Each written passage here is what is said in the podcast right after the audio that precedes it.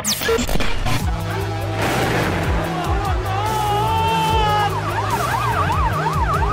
poddveteranen Radio Realism i lurarna får du förnuftiga röster i ett allt mer främmande land.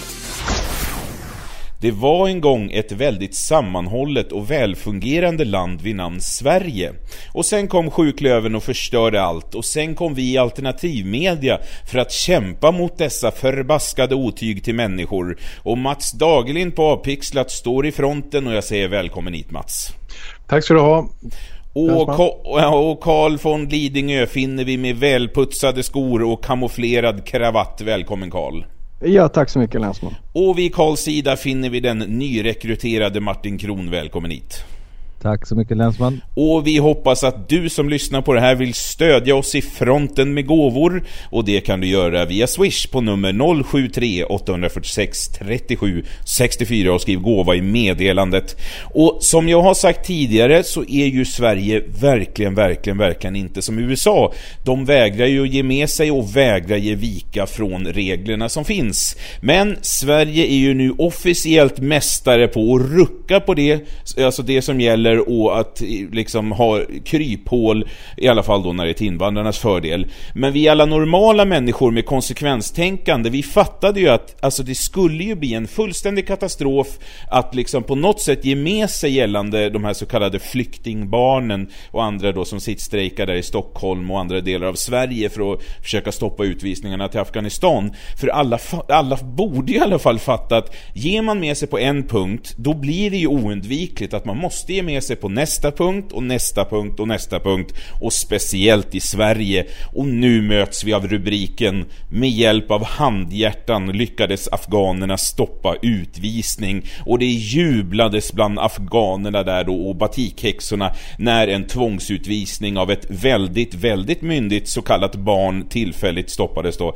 Och alltså det här landet, det är fullständigt som sagt fullt med kryphål att ta sig in och det är väldigt, alltså uppenbarligen väldigt eh, lättpåverkat det här landet då eh, av invandrares handhjärtan. Och återigen, det här måste vi gå in på då. Vilken signal skickar det här ut? Nu ska det tydligen bli asylmarsch från Finland till Sverige, men inte av finnar eller några glada mumintroll, utan av irakier. Flera hundra irakier planerar att marschera över från Finland då till Sverige vid Norrbottens gräns för att byta asylland. Och det här gör de då för att protestera mot eh, Finlands asylpolitik. Men alltså det innebär ju, där får vi se på, om de lämnar för att protestera, det innebär ju att Finland ger ju sig uppenbarligen inte som Sverige. Och det leder ju då såklart att lyckosökarna, men då ger de upp. Då lämnar de, de ser att det går inte. Och irakierna, de planerar i alla fall att marschera till Haparanda för att söka asyl. Men det oroar då tydligen de svenska myndigheterna, för det finns tydligen inte några flyktingförvar i Norrbotten. Och det här, eh, snart ska jag komma frågan här, men det här eh, citatet från SVT Nyheter måste jag ju ta med också.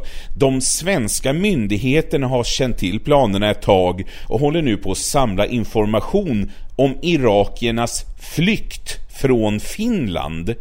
Alltså vi har sagt förut att ja, men om man kommer till Turkiet då är man ju ett säkert land. Men man fortsätter då tydligen alltså enligt media och vänsteretablissemanget och så fortsätter man vara flykting även om man sitter trygg i Finland och söker asyl. Men hur tror ni att de svenska myndigheterna kommer att möta lyckosökarna vid gränsen? Och framförallt kanske, hur borde vi, tycker vi då att man borde möta lyckosökarna vid gränsen? Vad säger Karl först?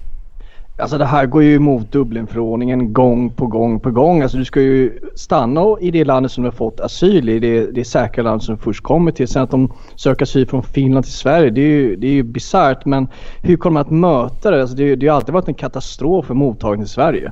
Så inte kommer det gå speciellt väl.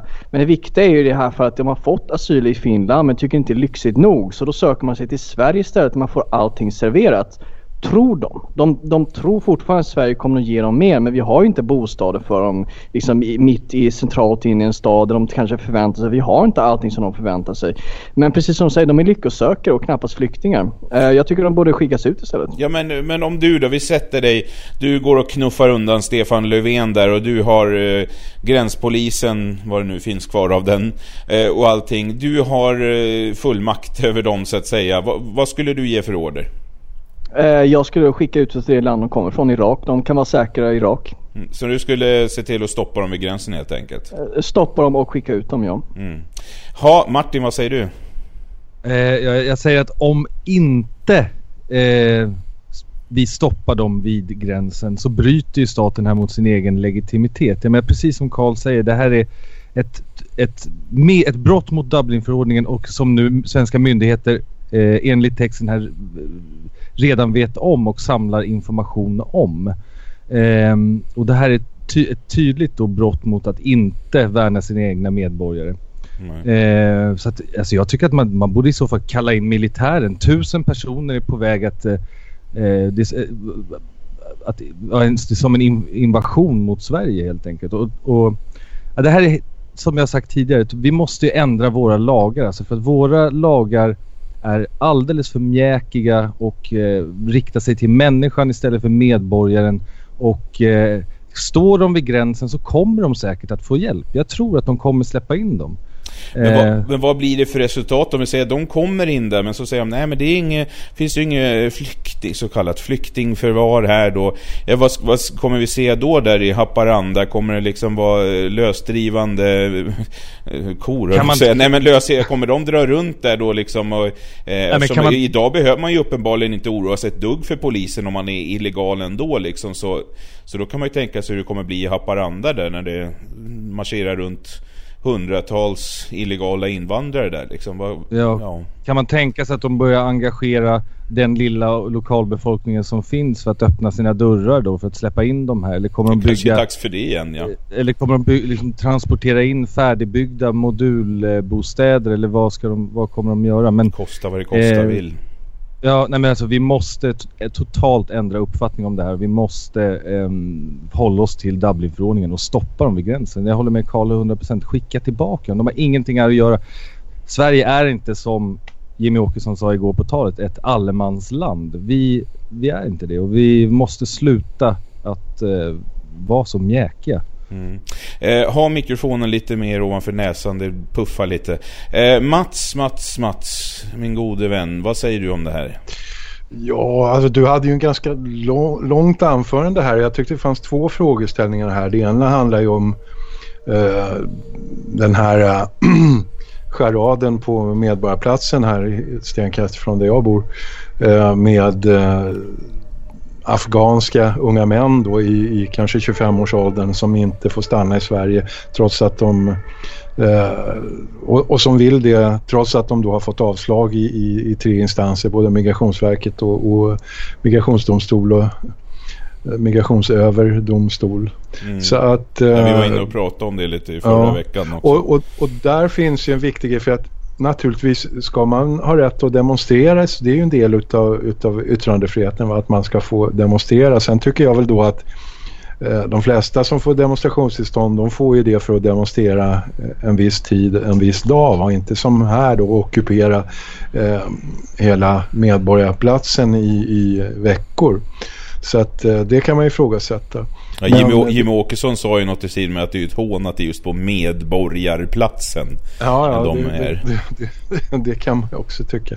Men, men eh, det som kanske är ännu viktigare här det är ju liksom den djupa erodering av demokratin då som, som hotar när gatans parlament och påhejade av vänsterliberal media då eh, kan övertrumfa lagar och myndighetsbeslut och domar i, i flera instanser.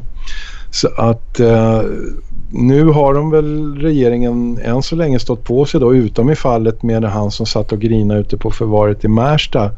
Det var en, en kille i uppsättningsvis 25-årsåldern även om han hade ganska mycket babyhull kvar. Ja, han, han ser ju inte så ung ut alltså. Det, Närmare hans, 30 hans, kanske. Hans, hans lekkamrat där, Hassan eller vad han hette, som satt bredvid, han såg nästan äldre. Hade, hade tre dagars svartmuskig skäggspräck. Mm. Eh, han, såg inte, han såg inte riktigt ut som något litet barn han heller. Men, jo, de har säkert fall, många nappar de där och leker med leksaker. Ja, ja. det kan hända. Men alltså det, det, här hotar ju då demokratin i grunden va? Om, om sådana här manifestationer ska leda till att, att uh, myndigheter och politiker ändrar sig i enskilda fall. Det är ungefär som, det är lika illa som det som brukar kallas för ministerstyre, va? att man går in och, och uh, lägger sig i enskilda saker. Det, har inte, det ska inte politiker göra. Och, och i, i, det här fallet då, den här demonstrationen kan ju då eventuellt då i, i ett demokratiskt samhälle föranleda då att, att politikerna då sammankallas i riksdagen då och funderar över eller de skriver en motion eller någonting och så behandlas den i vederbörlig ordning om att man ska ändra någon typ av lagstiftning eller regelverk eller tolkning av, av asylrätten och så vidare. Och om då en riksdagsmajoritet ställer sig bakom det, ja då får man ändra den då. Då kanske alla eh, afghaner oavsett de har bott i Iran i hela sitt liv eller är 25 år gamla eller vad de än är kanske då ska få amnesti men då ska det ske i vederbörlig ordning i, inom ramen för demokratiskt beslutsfattande och eh, det är ju inte det som händer i sådana här fall.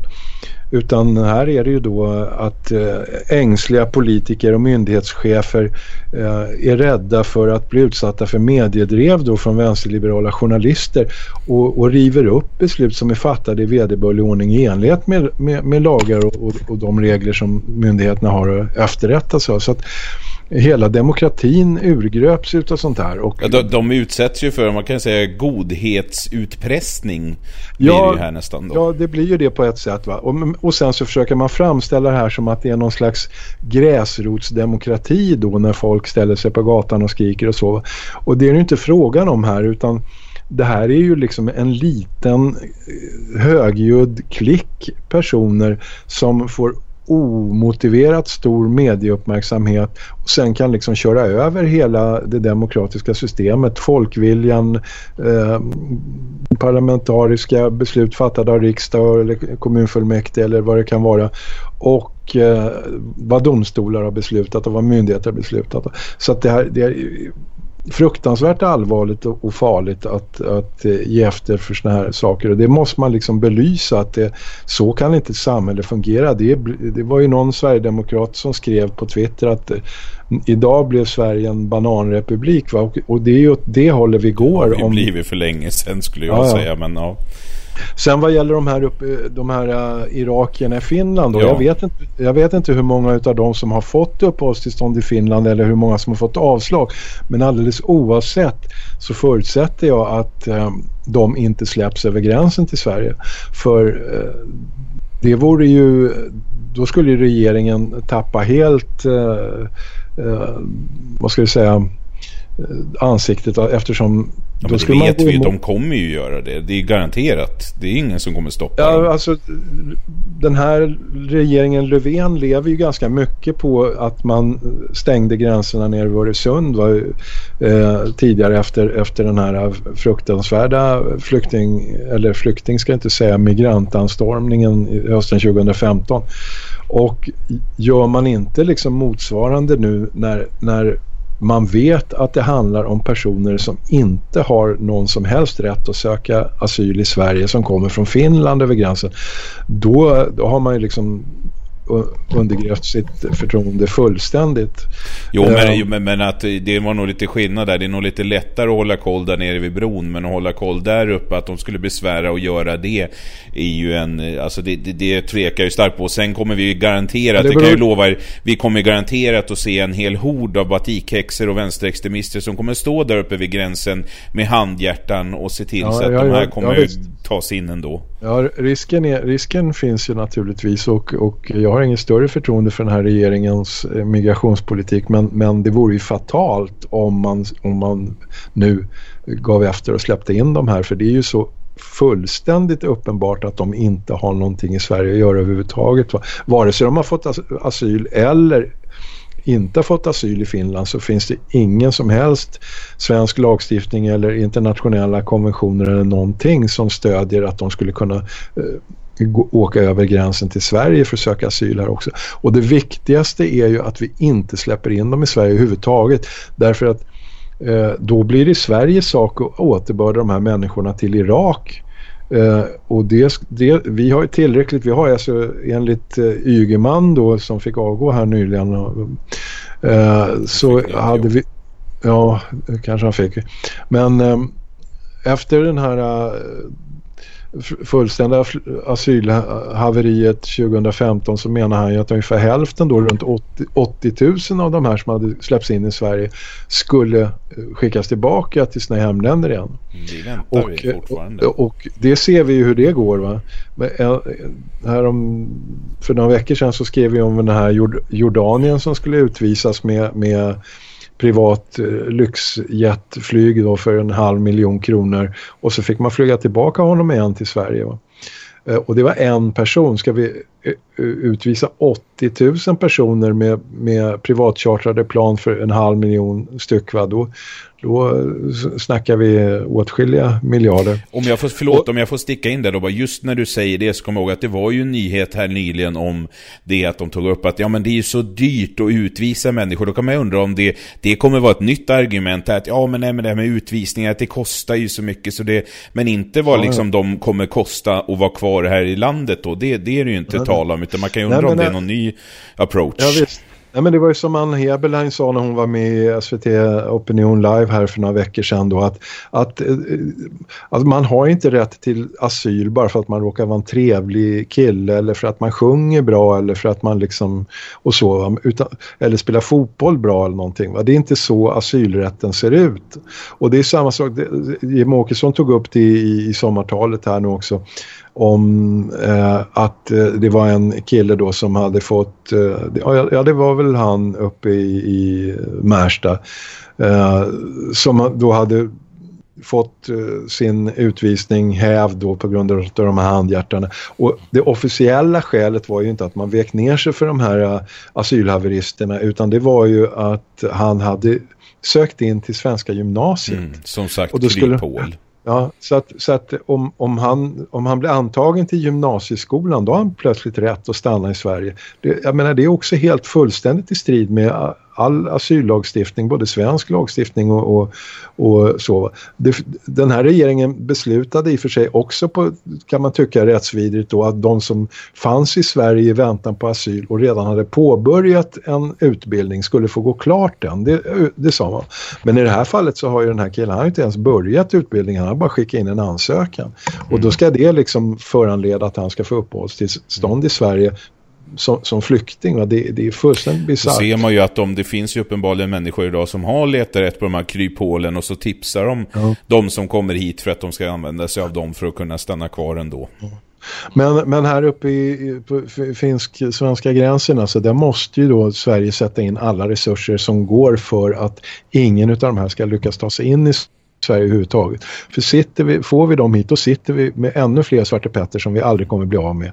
Ja, och som, om vi till äventyrs kan bli av med dem så blir det alltså till oerhört höga kostnader. Mm. Så att det här, de är Finlands ansvar och ska förbli Finlands ansvar. Men kommer de till Sverige så kan vi inte skicka tillbaka dem till Finland tydligen trots att de kom därifrån. Utan, utan, Nej, de ska inte vara Finlands ansvar heller, de ska vara Turkiets ansvar. Ja, men, ja. ja visst, men, men vi här i Norden måste ju ändå på något sätt kunna komma överens. Det, den svenska regeringen borde ju på något sätt kunna komma överens med den finska regeringen att, att om era asylärenden sticker över till Sverige så ska vi kunna slussa tillbaka dem till er i Finland igen. Och omvänt naturligtvis om, om, om de som har sökt asyl i Sverige och sen sticker till Finland så ska ju inte Finland behöva ta hand om dem utan de, det, det får ju...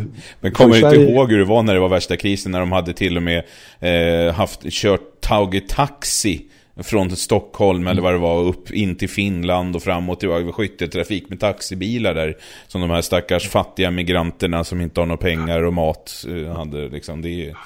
Ja. Nej, men det, ja. Ja, men jag tänker också att i båda de här eh, exemplen så är det så viktigt vilken signal man skickar. Jag menar, hade man slagit ner på den här eh, organiserade manifestationen direkt så hade man inte skickat en signal att det är faktiskt okej okay för illegala invandrare att organisera sig och, eh, och demonstrera. Hade man eh, in, hade man Skicka gått, in piketpolisen hade, hade man, hade, man gått vidare med utvisningen direkt så hade man skickat signalen att det går inte att stoppa en utvisning med hjälp av, att, med hjälp av handhjärtan och att organisera sig. Och på samma sätt här att stoppa, vi, vi måste stoppa de här vid gränsen för att skicka signalen att man kan inte göra så här. För att nu, signalen är ju skickad nu att illegala grupper det går att organisera sig och ha demonstrationer för att få sin vilja igenom i det här landet. Det är och den signalen som är skickad. Och signalen är skickad att det räcker med att säga att ni ska börja plugga bara, så är det lugnt. Och ni kan, ja, mark my words, de kommer att komma in eh, bemötta med bara handhjärtan över gränsen, det kan ni vara säkra på. Ja, eh, men, det, ja. tusen personer av en annan etnisk grupp från ett annat håll eh, mot en annan av våra gränser också komma in. Men eh, jag tänkte, alltså apropå det här med flyktingbarn. Eh, det var ju ett så kallat flyktingbarn vid namn Mohammed som brände ner ett HVB-hem i Boden. Han skröt om det, han sa 'fuck Sverige, fuck svenskar' till brandmännen på plats. Han sexofredade en flicka på en buss och två poliskvinnor som skulle gripa honom. Girls in Sweden are just meant to be raped, alltså flickor i Sverige finns bara för att våldtas, klargjorde han också. Och alltså med det här vill jag bara tydliggöra att jag säger inte inte att alla så kallade flyktingbarn är som honom. Men hur många med den här inställningen kommer hit till det här landet, eh, noll koll på invandrare? Det är det som är frågan. Och frågan är om, alltså, har inte den här tanken åtminstone swishat förbi i alla fall en sekund i huvudet på de här goda svenskarna, de här som hänger med till Medborgarplatsen då för att demonstrera mot utvisningarna av de här så kallade flyktingbarnen. Tror ni inte att det finns en enda tanke då på att i alla fall vissa av de här bakom mig med de här handhjärtarna, de kan ju faktiskt ha en medeltida kvinnosyn. De kan ju faktiskt vara som den här Mohammed som jag tog upp här. Mm. Eller är det helt enkelt på att nej, det är en hög manliga moder Teresa med handhjärtan här bakom oss. Va, vad tror ni? Va, vad säger du Karl? Ja, men alltså de här unga människorna som sitter på Medborgarplatsen. Jag, som jag sa, jag, jag har sett en bild på dem som unga tjejer också. Så typiskt sådana här vänster eh, som säkerligen röstar på Miljöpartiet någonting. De har ju sin naivitet trott på att det här är någonting fantastiskt. Men de förstår ju inte att det här är ju självdestruktivitet de håller på med. De förstår ju inte att de här människorna inte har samma kvinnosyn samtidigt som de kallar sig för feminister och så vidare.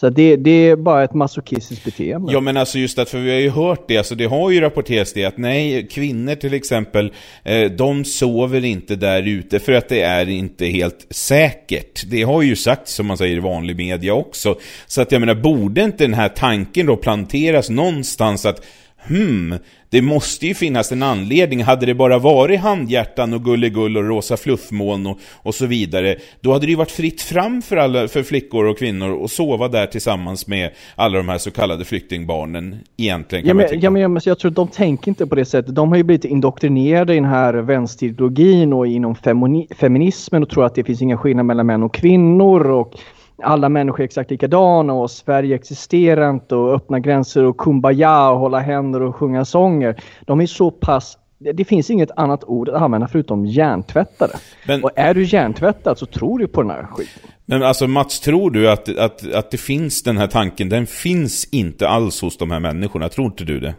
Nej, jag tror faktiskt som Karl säger att de här är så sönderdoktrinerade att eh, de, de förstår inte det och, och, skulle en sån tanke dyka upp i huvudet så skulle de skämmas över att de tänkte den tanken och så skulle de liksom piska sig själva på kvällen snarare för att liksom piska den rasistdjävulen ur kroppen. Va? Så för att det här är ju det är som en, en religion för, för de här, Nya satan. På, på, postmoderna multikulturalistiska eh, ideologin, den, är, den fungerar som någon slags ersättare till religionen. Mm. Så att, eh, nej det tror jag inte, utan eh, de förnekar ju Alltså de, de är verkligt extrema. Om till och med rikspolitiker i, liksom i riksdag och regering och, och, och, och som jobbar på hög nivå ändå ska liksom hålla sig informerade om vad som händer i samhället kan, kan stå och förneka sånt här så är det klart att de här också gör det. Men, och, ja. och vi pratar inte bara om taskig kvinnosyn här. Det är klart att, att, att alla ensamma, ensamkommande så kallade flyktingbarn då, som kommer hit är väl inte som den här uh, omhändertagna Mohammed som du säger var riktigt. Men Nej. vi har ju sett tidigare, det var ju för, för, för, många år sedan så hade ju DN en uppmärksammad intervju om om, eh, med något invandrargäng där killarna satt och snackade på, på ett liknande sätt va, om att de var eh, horor och förstörda de här tjejerna som hade legat med någon annan och det, det liksom, de var ju ingenting värda och, och Svenskar skulle och, pussa deras och det, fötter och grejer var det ju också. Ja, ja och då, då, var ju liksom att, att det var ju inte lika hög tröskel att våldta en sån tjej för hon var ju redan förstörd liksom. Mm. och sådär. De här attityderna finns ju ganska vanliga i olika grad. Alla kanske inte har, har det så extremt som den här killen då. Nej. Men, men eh, det är ju vanliga attityder och det är ju liksom den kvinnosynen som råder i de länderna som, som de här kommer ifrån. Mm. Och sen har vi, det är ju inte bara det enda problemet med de här utan eh, som i Uppsala här, det är ju inte så långt ifrån från uh, Stockholm här uppe så har de ju fruktansvärda problem med, med de här gängen med ensamkommande som, som är grova missbrukare då utav, utav heroin och som langar heroin och begår brott och eh, misshandel och gaturån och, och en massa mm. saker för, för att få ihop till det här narkotikamissbruket. Så att det finns en lång rad problem inom den här gruppen och sen har vi alla de här eh, Tarush-övergreppen då, mm. gäng, gäng på, på festivaler och liknande. Så att, så att, eh, ja. Men, men, men, jag, här... jag, alltså jag tycker det, det, är fascinerande rent psykologiskt för att kunna förstå hur, hur en kvinna tänker i de här situationerna. För många gånger så, vi pratar ju om batikhäxor i medelålders kvinnor som ändå ser vad som händer.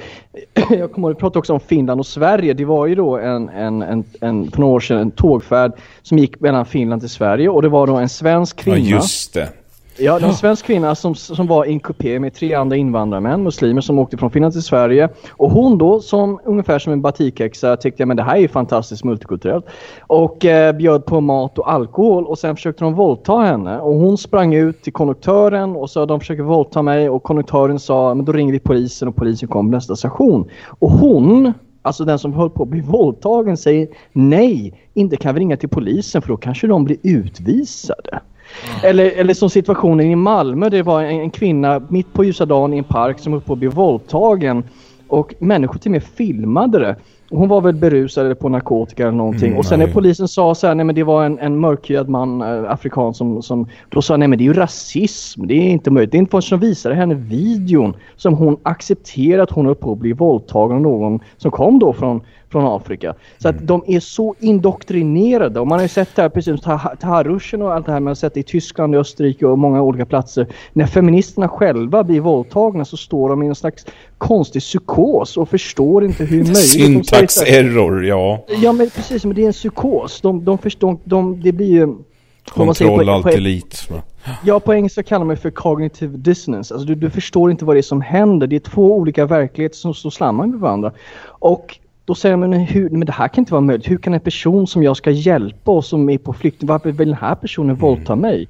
Och då möts de av verkligheten. Så det är total hjärntvättning vi pratar om. Verkligheten håller inte med de här, eh, vad heter nu då, kriminologerna som säger att det, det, det är ingen, brottsligheten ökar inte. Och, och så någon viss komiker som säger att Sverige har ju aldrig varit tryggare. Men innan vi går vidare Martin, vill du kommentera någonting också? Nej, jag tycker, jag tycker att de fick med sagt, mycket ja. där. För, förutom att då vi måste få begreppet rätt här. För det har ju förändrats då över uppenbar tid från ensamkommande flyktingbarn till ensamkommande ungdomar. Och numera så kallar man dem bara för ensamkommande.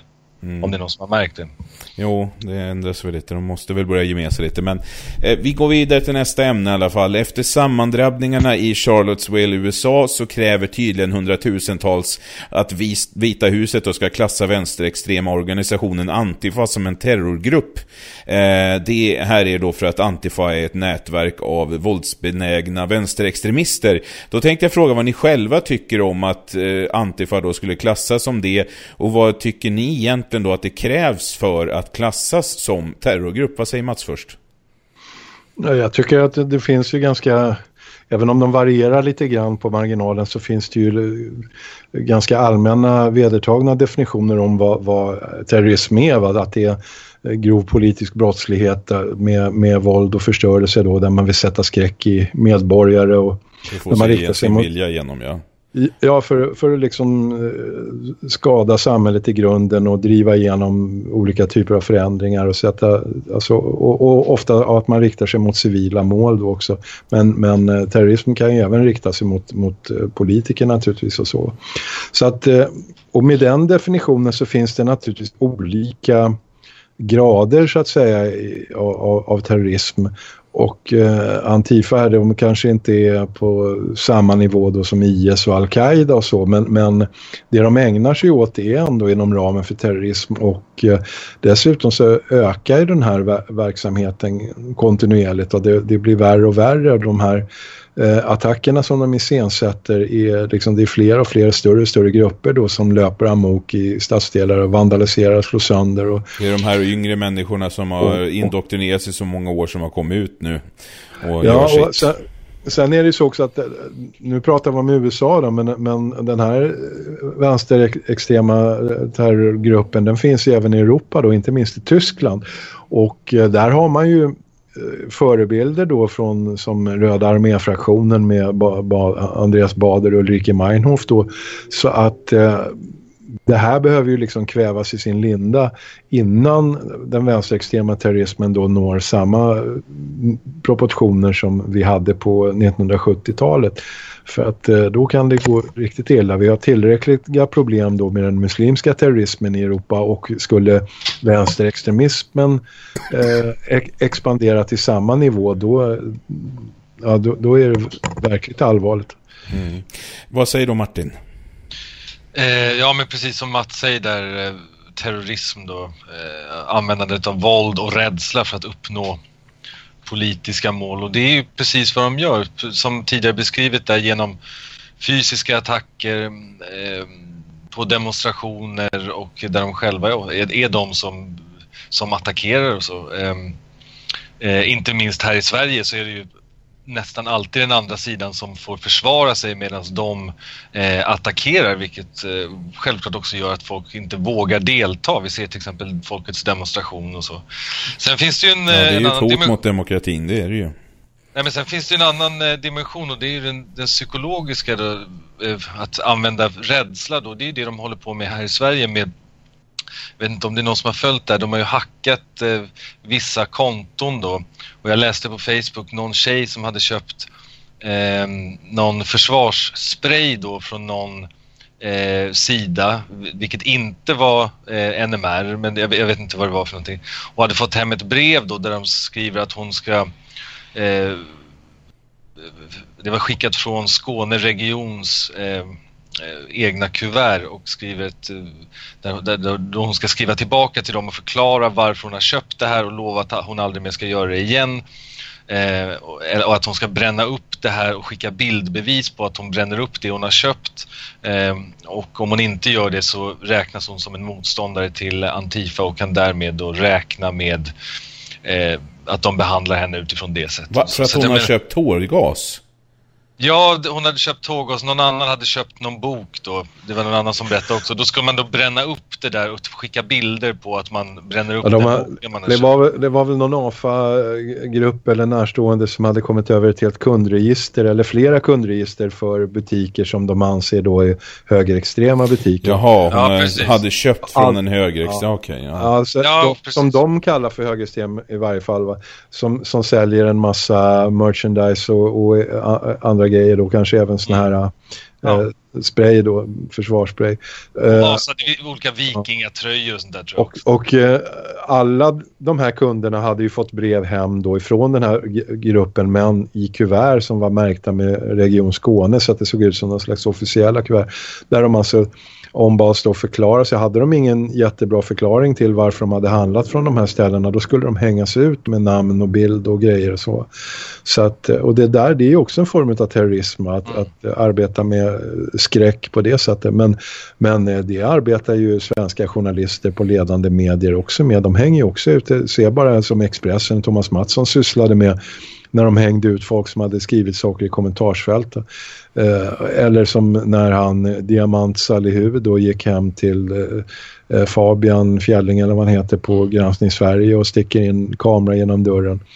Det, handlar ju också om att skrämma folk. Va? Att, att tysta människor för, och, och, skapa rädsla för att delta i den demokratiska opinionsbildningen. Så att det finns ju mycket som egentligen gränsar till, till terrorism. Men mm. Det är kanske på en annan nivå än att använda nakna våldet men det är ändå väldigt allvarligt. Ja men absolut. Jag tänker att om, tänk, tänk om man skulle vända på det att någon då från den andra sidan skulle bedriva samma typ av verksamhet. Då skulle det direkt bli klassat som terrorism. Ja, ja det var. De det var ju någon som försökte göra det, en kille med invandrarbakgrund som, som gick hem till Thomas Mattsson och ville ställa honom till svars då ringde på dörren till hem hos honom. Det var och då var ju hela... ja. ja, just det. Och, och, då var ju hela mediakåren, de visste ju inte till sig vilket mediagnäll det var på de här. Men när de själva beter sig på samma sätt, alltså Aftonbladet har varit hemma hos mig och är till och med hemma hos bekanta till mig som inte har ett dugg med mig att göra och ringt på dörren och stått där med påslagen filmkamera och frågat efter mig. Eh, klampat på. Eh, alltså de har ju ingen som helst alltså de saknar referenser. Journalister tror att de tillhör någon slags mm. eh, frälse som har rätt att bete sig hur som helst som ingen annan har rätt till i samhället. Och för att ta exemplet Mattsson, han, åh vad han beklagar sig när han blev dömd för att han hade köpt ett illegalt vapen utav, en, utav invandrare. Jag som är journalist ska väl få köpa illegala vapen. Och så blir han dömd för det. Jag ska väl inte behöva följa lagen, jag är ju journalist liksom. Det är... Kom ner från era höga hästar. Mm bara flika in där, bara för att det var lite roligt att Bashir, eller han som du beskrev som gjorde den här videon, han la ju själv ut den på sin egen YouTube-kanal när han står och knackar på dörren och liksom hela videon precis som den är med sitt ansikte och allt. Eh, men eh, etablerad media då när de skulle visa det här på SVT tror jag, eh, i ljuset av att han själv då var invandrare och stod och sa att kom ut och möt mångkulturen här nu Mattsson och så. Så hade de ju pixlat hans ansikte och ja, ja. förvrängt hans röst. Mm. Det var ju fruktansvärt lågvattenmärke hela journalistiken runt omkring det där. Och dessutom använder de det som slagträ då mot tidningen Nya Tider för i den här bokmässan debaclet va? trots att Nya Tider hade ju liksom ingenting med, med den där aktionen att göra. Någon person som hade varit inblandade där hade haft någonting i, i historien att göra med Nya Tider men det var ju inget inget initiativ som, som Nya Tider hade, hade gjort. Men det skulle ju också... Du vet liksom... att guilt by association är ju den starkaste bevisningen. Ja, ja, ja, alltid. ja. Det, så det, det, kunde väl vara de hennes mormors farfars ja.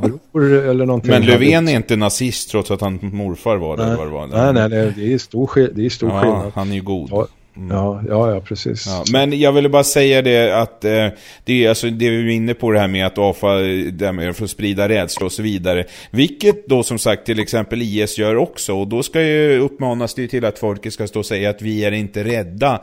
Men det uppmanas ju knappast att vi ska stå och säga att vi är inte rädda när av vänsterextremister gör. För det är ju deras kompisar i media. Ja, jag men, tycker, borde väl journalisterna stå och säga då, vi är inte rädda för att mm. få några hembesök Nej, de alltså, behöver ju inte vara det för det är deras kompisar. Men, det, är... men det finns ju det här Charlottesville här, det, det, det, finns ju liksom en annan aspekt på det där också att han fick ju massor med kritik nu här för att han inte hade varit tillräckligt fördömande då mot eh, de här högerextremisterna som Han hade... var ju det, Trump då ja. ja han han men, sa ju det. Men, ja, ja. men det, han var inte tillräckligt eh, utan han hade ju även nämnt vänsterextremisterna och då, det, det skulle han ju inte göra. Han skulle ju bara fördöma högerextremisterna naturligtvis.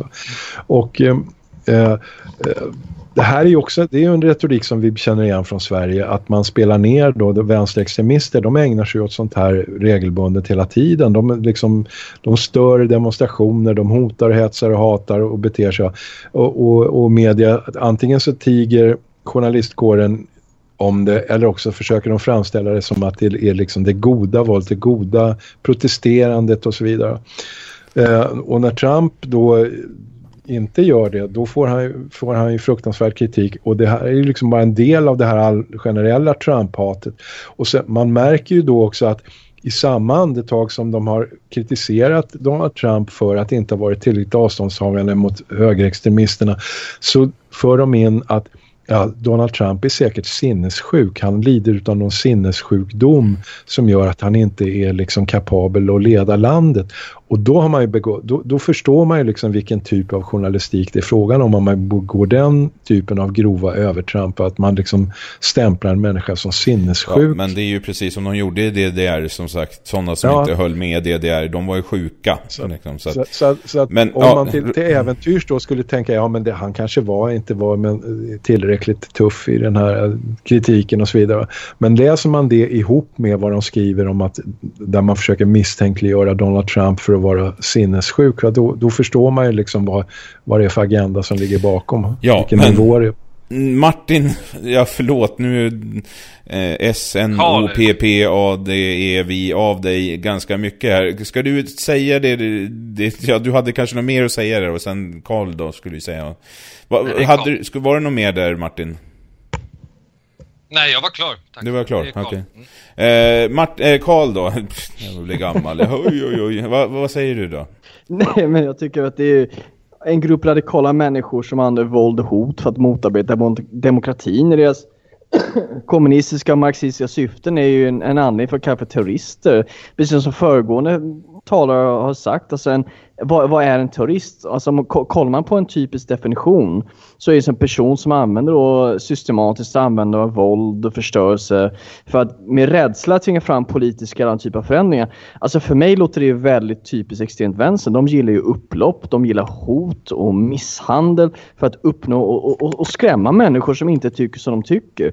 Eh, de säger ju själva att mörda en fascist är självförsvar. Men en fascist för dem, det är en person som till exempel röstar på Sverigedemokraterna. Så det är en väldans massa människor som de tycker man ska få mörda. Mm. Eh, Säpo har ju innan uttalat sig att sagt det största hotet mot vår demokrati är ju islams terrorism och vänsterextremism. Och det fick ju Säpo mycket skit för att de sa det. För det får man inte säga i Sverige att någon inom vänstern är dålig. Man får inte säga sanningen, det får man inte. Nej, man får inte säga, ja precis, man får inte säga att någon, ja men typ inom vänster, men de ser ju som att vänster är ju fantastiska godhjärtade människor. Eh, så jag, jag, jag säger ja, jag tycker att det är på tiden att extremvänstern faktiskt klassas som en terrorgrupp. Säger man sanningen, eller säger man att en spade är en spade, då är man rasist, så enkelt är det. Eh, vi går vidare till nästa ämne. Den 70-åriga mannen Clark Olofsson, citat som en av Sveriges mest kända kriminella, eh, vilket egentligen då kanske inte är så konstigt att han fortfarande är då med tanke på hur fort locket läggs på i media så fort eh, det rör utländskt klingande namn, trots att det är faktiskt de som numera tar en enorm plats i Sveriges grova våldsbrott. Men Clark eller Daniel eh, Demonynk eh, som han heter idag, är mest känd för att ha varit då inblandad i Norrmalmstorgsdramat då 1973. Han hade då i alla fall ansökt om förflyttning till ett fängelse i Belgien. Han beviljades det då. Han sa upp sitt svenska medborgarskap. Han blev medborgare i Belgien. Han dömdes till livstids utvisning.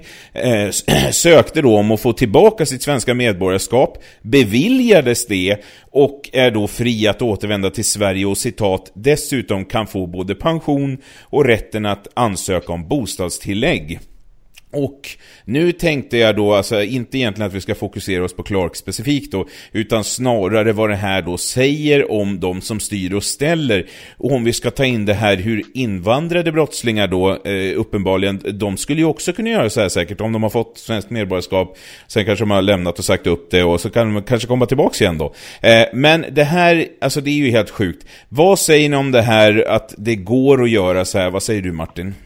Mm, ja, jag börjar med att säga att man behöver faktiskt inte vara medborgare för att få pension. Eh, bland annat, bara för att tillägga, det är, jag måste alltid tjata om att vi har så sjuka lagar som gör att vem som helst som sätter ner sina fötter i vårt land har tillgång till i princip vår välfärd. Men eh, ja, det här, just det här med Olofsson är ju ett komplicerat fall. Alltså, han är ju och man måste nysta lite där i begreppet medborgare och om man är då etnisk svensk som han är. Ehm, och men han är ju uppenbarligen en niding och i ett gammalt vikingasamhälle eller även på medeltiden så hade han ju i princip blivit kastad ut för ett stup eller någonting sånt och så gör vi inte längre. Ehm, så man får fundera lite där Alltså han är ju medborgare och jag som är lite folkhemstorsk så och ändå tycker som Per Albin Hansson där att vi har som han sa i sitt tal, varken kelgrisar eller styvbarn. Jag måste nog säga ändå att som etnisk svensk medborgare måste man kunna få återvända till sitt hemland. Och jag menar, ska man kunna, ska man reglera det på något sätt, då måste det finnas någon juridisk aspekt av att eh, han är en fara för landets säkerhet eller någonting sånt eh, för att neka honom att komma tillbaka till sitt hemland. Och alltså, jag tar ett litet exempel från socionomutbildningen som jag går när vi skulle sitta och nysta i ett fall som handlade om en eritrean som heter Musse eh, som hade avtjänat sitt straff här eh, i Sverige eh, för grov våldtäkt eh, Eh, och skulle utvisas. Men då när han skulle utvisas till Eritrea så ville de inte ta emot honom. Ehm, och han var därmed statslös så att han hade, var, fick inte vistas i Sverige och de ville inte ta emot honom i hans hemland.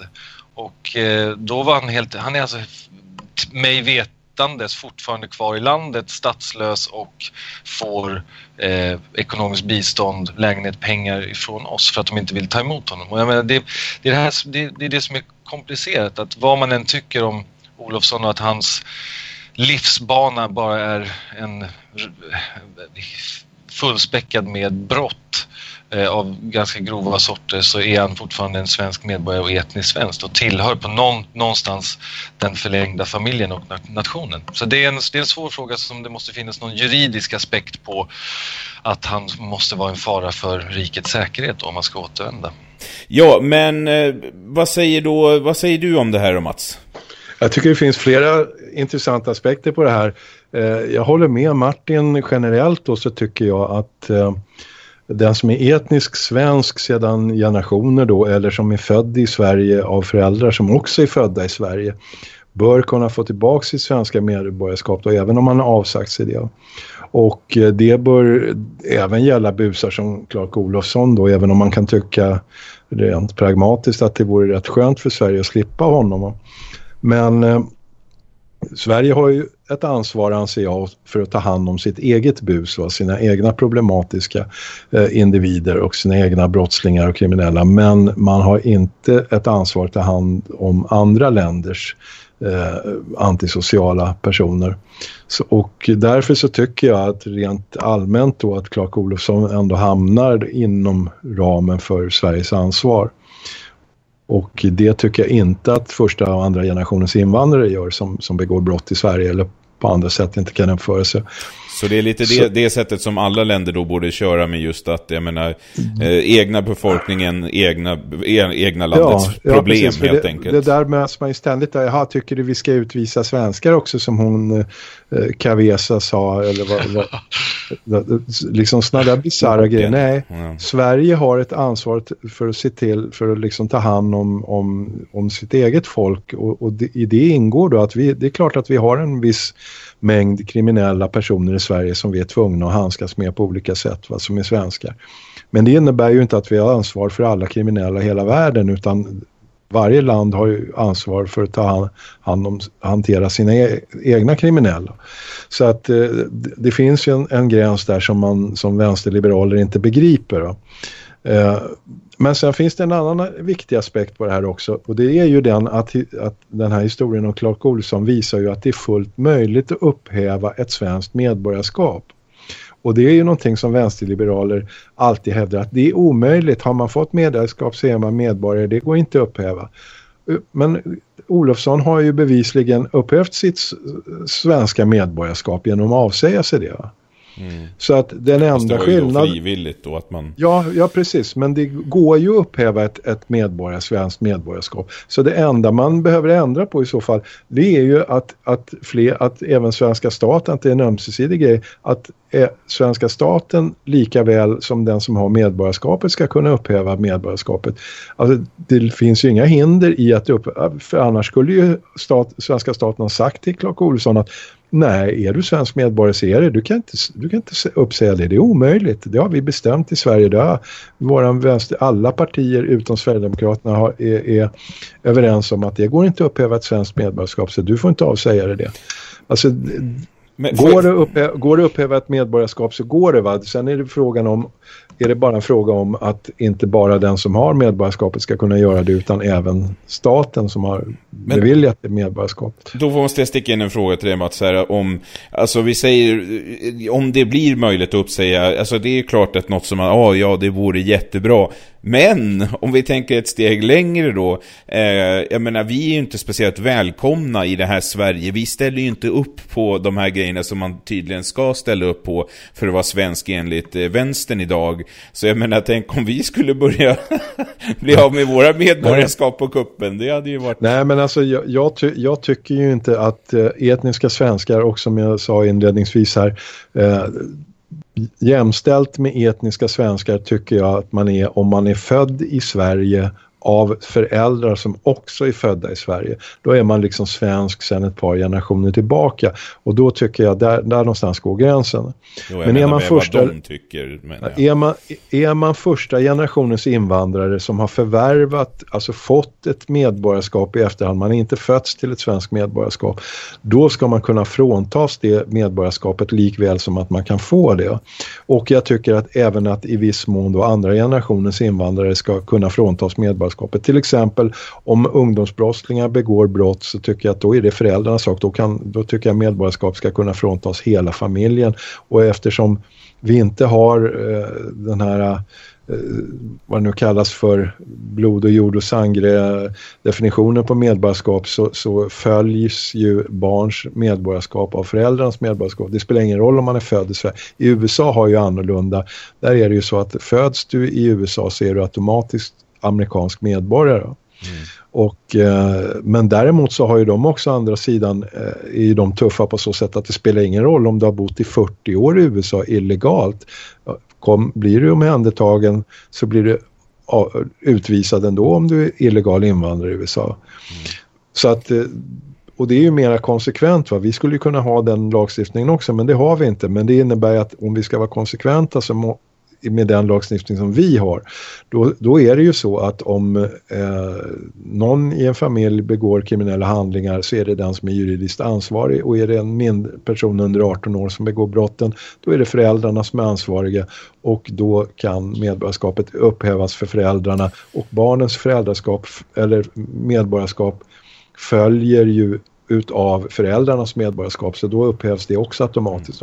Och på så sätt skulle man kunna utvisa en stor del utav den grupp som ställer till med ett otroligt eh, stor andel utav det ofog som vi ser mm. omkring oss i, i de så kallade utanförskapsområdena i Sverige idag. Ja, eh, vad säger Karl då? Ja, alltså det är ju, det är ju som sagt ett speciellt fall det här. Men det, det, finns ju en skillnad på att skriva ut sig från landet och säga upp sitt medborgarskap. Alltså varför skrev han inte bara ut sig från landet? Varför vill han tillbaka till Sverige om han har sagt upp medborgarskapet innan? Alltså då är det ju för pensionen i sådana fall. Eh, jag tycker att sådana människor som Clark Olofsson är så här livstidskriminella människor som inte behöver ute i samhället. Så det är absurt. Alltså den, den skada han har orsakat Sverige så ska man inte ge honom någonting. Låt dem stanna i Belgien om man nu gillar Belgien så mycket. Han har gjort sitt val. Eh, sen är det alltid fascinerande det här med medborgarskap som, som föregående talare pratade om. Då. Men det, det, var väl Mona Salin som sa att om man åker en tunnelbana i Stockholm så är man svensk. Nej, det var nog, eh, var det inte Center, Lanny Lööf va? Åsa Romson var det ja, just det. Var, var det ja, Åsa, ja, det är en ja precis, en uh, miljöpartist som måste säga det. Att man, man åker en tunnelbana i Stockholm så är man en, en svensk, vilket det, det är ju absurt. Jo men det är ju helt sjukt Jag tycker att alla borde reagera på det här. Att en människa som är så kriminell som den här Clark, som faktiskt om man ser det som att ja men det här är ett problem vi har blivit av med. Nej, säger Sverige, det är inte så att vi inte har nog med problem ändå. Välkommen tillbaks, vi kan ta ett till, inga problem. Vi kan, ja, Sverige kan, vi är toleranta, vi accepterar. Ja, men... Ja men självklart man tolererar, vi tolererar allting i det här landet. Ja, men varför? Men han, han, han sa ju upp sitt medborgarskap. Du kan ju mm. faktiskt skriva ut dig från Sverige och fortfarande vara medborgare. Mm. Så varför vill han komma tillbaka till Sverige nu? Ja, det, det vet vi inte, han, men det, det är väl själva poängen att man kan. Det är det, att man får. Han är en grovt kriminell människa. Man mm. läser igenom hans lista av alla saker han gjort. Det är ju helt absurt hur många kriminella saker, hur man kan vara kriminell så länge. Så det han vill bara utnyttja systemet och komma Men det tillbaka. är ju en merit i Löfvens Sverige att vara kriminell tydligen. Men... Eh, Sen är det väl samhällets fel också att Klock Olofsson ja, blev kriminell. Så ja, att han blev Ja, det, det är Sveriges fel, ja såklart. Eh, men ja, vi går vidare till nästa. Eh, och letar rätt Alltså vi tar den här lite, jag ska, jag ska gå in på lite det här med Batra och det Moderaterna, men vi tar den här lite kort först. Eh, det här med att leta illegala invandrare på arbetsplatser, det kan tydligen innebära en risk för diskriminering får vi höra. Eh, det har ju kommit in ett förslag som går ut på att polisen ska få göra oanmälda besök hos arbetsgivare för att kontrollera att de inte använder sig av illegal arbetskraft. Och nu varnar Göta hovrätt citat, hovrätten menar att inspektionens syfte ska vara att kontrollera arbetsgivare och inte leta upp enskilda personer som uppehåller sig illegalt i Sverige och att det är någonting som måste tydliggöras i lagen för att undvika diskriminering, slutcitat. Och vad tänker ni om att det då finns en, alltså det finns en risk för den här eviga diskrimineringen här och hur tycker ni själv själva då i så fall att eh, sökandet efter illegala invandrare på arbetsplatser då borde gå till? Vad säger du Karl? Ja, för det första, låt oss hålla oss till lagen. Är du illegal så är du illegal, punkt slut. Alltså vi har lagar som säger att du inte ska vara i landet då. Vad är så komplicerat? Vad är det som myndigheterna och politikerna inte förstår av det konceptet? Men med tanke på att det finns illegala som jobbar i Sverige så måste ju polisen kunna kontrollera det. Annars blir det som vi hade det här med REVA där alla politiska korrekta människor blir helt galna för att polisen kollade ID på människor i tunnelbanorna. Så att om vi inte upprätthåller lagen, varför har vi ens lagar? Men hur skulle man göra då? Ska, det, ska folk eh, inspek de ska kunna inspektera och knalla in på arbetsplatser och leta utan det ska inte vara något gnäll då? Alltså Karl, ja. vad, vad säger du? Ja absolut, självklart. Om en polis ber dig om ett ID för att se att du är den du är och du upprätthåller i landet lagligt, ja självklart ska man kunna göra det. Men hur ska, jag fattar inte hur de tänker. Alltså de, de vill ju bara inte att man ska få tag på illegala invandrare, så enkelt är det. Det ska sättas käppar i hjulen, banne med överallt, att vad man än ska försöka. Nej, det går inte, nej, det går inte. Det är helt sjukt där. Mats, vad ja, säger det... du? Eller ja, Karl, säg klart då. Nej men det, är bara så att det var, det var väl bara några år sedan när man eh, ville förbjuda filmningar på eh, skolavslutningar för då tänker man då kanske det finns någon illegal som finns på filmen och då kanske man upptäcker dem. Mm. Ja, men Mats vad säger du? Ja, vad ska man säga om det här? Vad säger man eh, egentligen? Ja, det, man, man blir lite paff. Jag tycker att jag är luttrad men, men jag blir ändå lite paff. Framförallt då eftersom det är en, alltså Eh, Eh, hög företrädare inom det svenska rättsväsendet, en hovrätt i Sverige som uttalar sig på det här sättet. Va? En rättsinstans som alltså ska upprätthålla lag och ordning i Sverige. Och det är ju också polisens uppgift är ju att upprätthålla lag och ordning. Och, och, i det uppdraget så ligger ju också att leta rätt på brottslingar och se till så att de blir föremål för rättsliga åtgärder. Och eh, hovrätten här, Göta hovrätt säger då att, att eh, polisen ska sätta dit de här eh, företag, arbetsgivarna då som anställer illegala invandrare. Och det är självklart att polisen ska göra det. Va? Eh, ett företag då som, som snedvrider konkurrensen i Sverige genom att anställa illegala invandrare ska naturligtvis sättas dit och, och, och lagföras för det. Eh, eftersom det drabbar hedliga svenska företagare som, som anställer eh, Vad borde man straffas för det då tycker du om man väljer ja, att ta tycker, man, Jag tycker man ska få näringsförbud, jag tycker man ska få böter, man, i, i grova fall så ska det ge kännbara fängelsestraff och det, det finns i straffskalan så att man kan klämma åt det. Men det är möjligt att man behöver se över det också. Men det är klart att polisen ska ingripa mot de här företagen. Det är bara att sätta upp en eh, eh, stor röd lapp på dörren när företaget är stängt på grund av brottslighet. Va? Så, så får de inte bedriva verksamhet längre. Va? Lite jävlar anamma eh, skulle inte sitta ja. fel, nej. Men det utesluter ju inte att, att polisen också lika självklart att ska försöka hitta alla de tiotusentals illegala invandrare som finns i Sverige. Va? Så, och, och eh, det gäller ju att, alltså det är ju som den där Bellman-historien när, när, han letar efter eh, sina nycklar under en gatlampa. Ja men vad tappar du nycklarna? Jag tappar dem där borta. Varför letar du här? Ja, det är mycket ljusare här säger Bellman då. ja. ja det, det, är liksom så polisens eh, arbete med att leta illegala, alltså de får inte leta på de ställen där, där de riskerar att hitta någon illegal utan Nej. de får bara leta på, på andra platser. Ja, de, får inte ge sig, ja. de får inte ge sig in i bostadsområdena där, där, där massa Inte Rinkeby invandrare. liksom, inte sånt. Nej, Nej. Nej därför, och skolorna får de inte gå in. Nej, det är kränkande. Och då, och på arbetsplatserna ska de inte få gå in. I tunnelbanan fick de ju inte heller. Var ska de gå då? På landsbygden ja, alltså, kanske? Ja, de kan åka ut på, på, no, no, på någon åker och gå runt där. I skogen eller jag Fråga vet inte. Fråga en älg efter lägg. Ja, ja. Men, men, men alltså det är ju självklart att polisen ska göra vad de kan och de har ju dessutom fått ett för, för, för liksom skärpt uppdrag utav återigen då så att eh, Ygeman sa ju det att eh, nu ska vi verkligen hitta alla de här 80 000 för, eller inte alla 80 000 men det var, de befarade att en stor andel av de här 80 000 som bedömdes då inte ha några asylskäl skulle ju gå under jorden i Sverige och en del av dem har ju redan gjort det. Så vi har ju, jag vet inte, alltså bedömningarna ju, varierar ju men det rör sig ju, alla är ensamma om att det rör sig om flera tiotusentals. Det kan vara 50 000, det kan vara så många som 100 000 människor som upp, uppehåller sig illegalt i Sverige. Men, alltså, bara sticka i vänstern, de är ju banne mig inte nöjda förrän polisen åker ut i stugorna i Dalsland och kollar lägg på Agda där ute i någon rödvit vit eh, stuga liksom. De, de kommer ju inte ge sig alltså. Det... Och, och, och jag begriper liksom inte, alltså det är så typiskt det här. Säger någon diskriminering så verkar det som att då behöver man inte förklara sig. Va? Det är ungefär som när man kan slänga sig med alla människors lika värde och, och, och sådana saker. Men man behöver inte förklara vad man menar. Och jag kan för mitt liv inte förstå vad det är som är diskriminering i att polisen gör sitt jobb och letar rätt på personer som befinner sig illegalt i Sverige. Det vill säga bryter mot svensk lag. Mm. Utan det är tvärtom, det ska polisen göra. Annars kan man ju säga här, det, det, det är diskriminering och kasta brottslingar i fängelse. För de som inte har begått brott, de blir inte kastade i fängelse. De får ju vara vistas ute på, i fritt i samhället. Mm. Så det är jättediskriminering. Måste utreda dem också. De kanske har ja, kastat de, något skräp på marken någon ja, gång. Ja, men överhuvudtaget, det är väl klart att, att, att det gäller olika regler och lagar för, för människor som begår brott i Sverige och de som inte begår brott och att det är, gäller olika saker för människor som har rätt att vistas i Sverige och de som inte har rätt att vistas i Sverige. Mm. De har inte samma rättigheter per definition.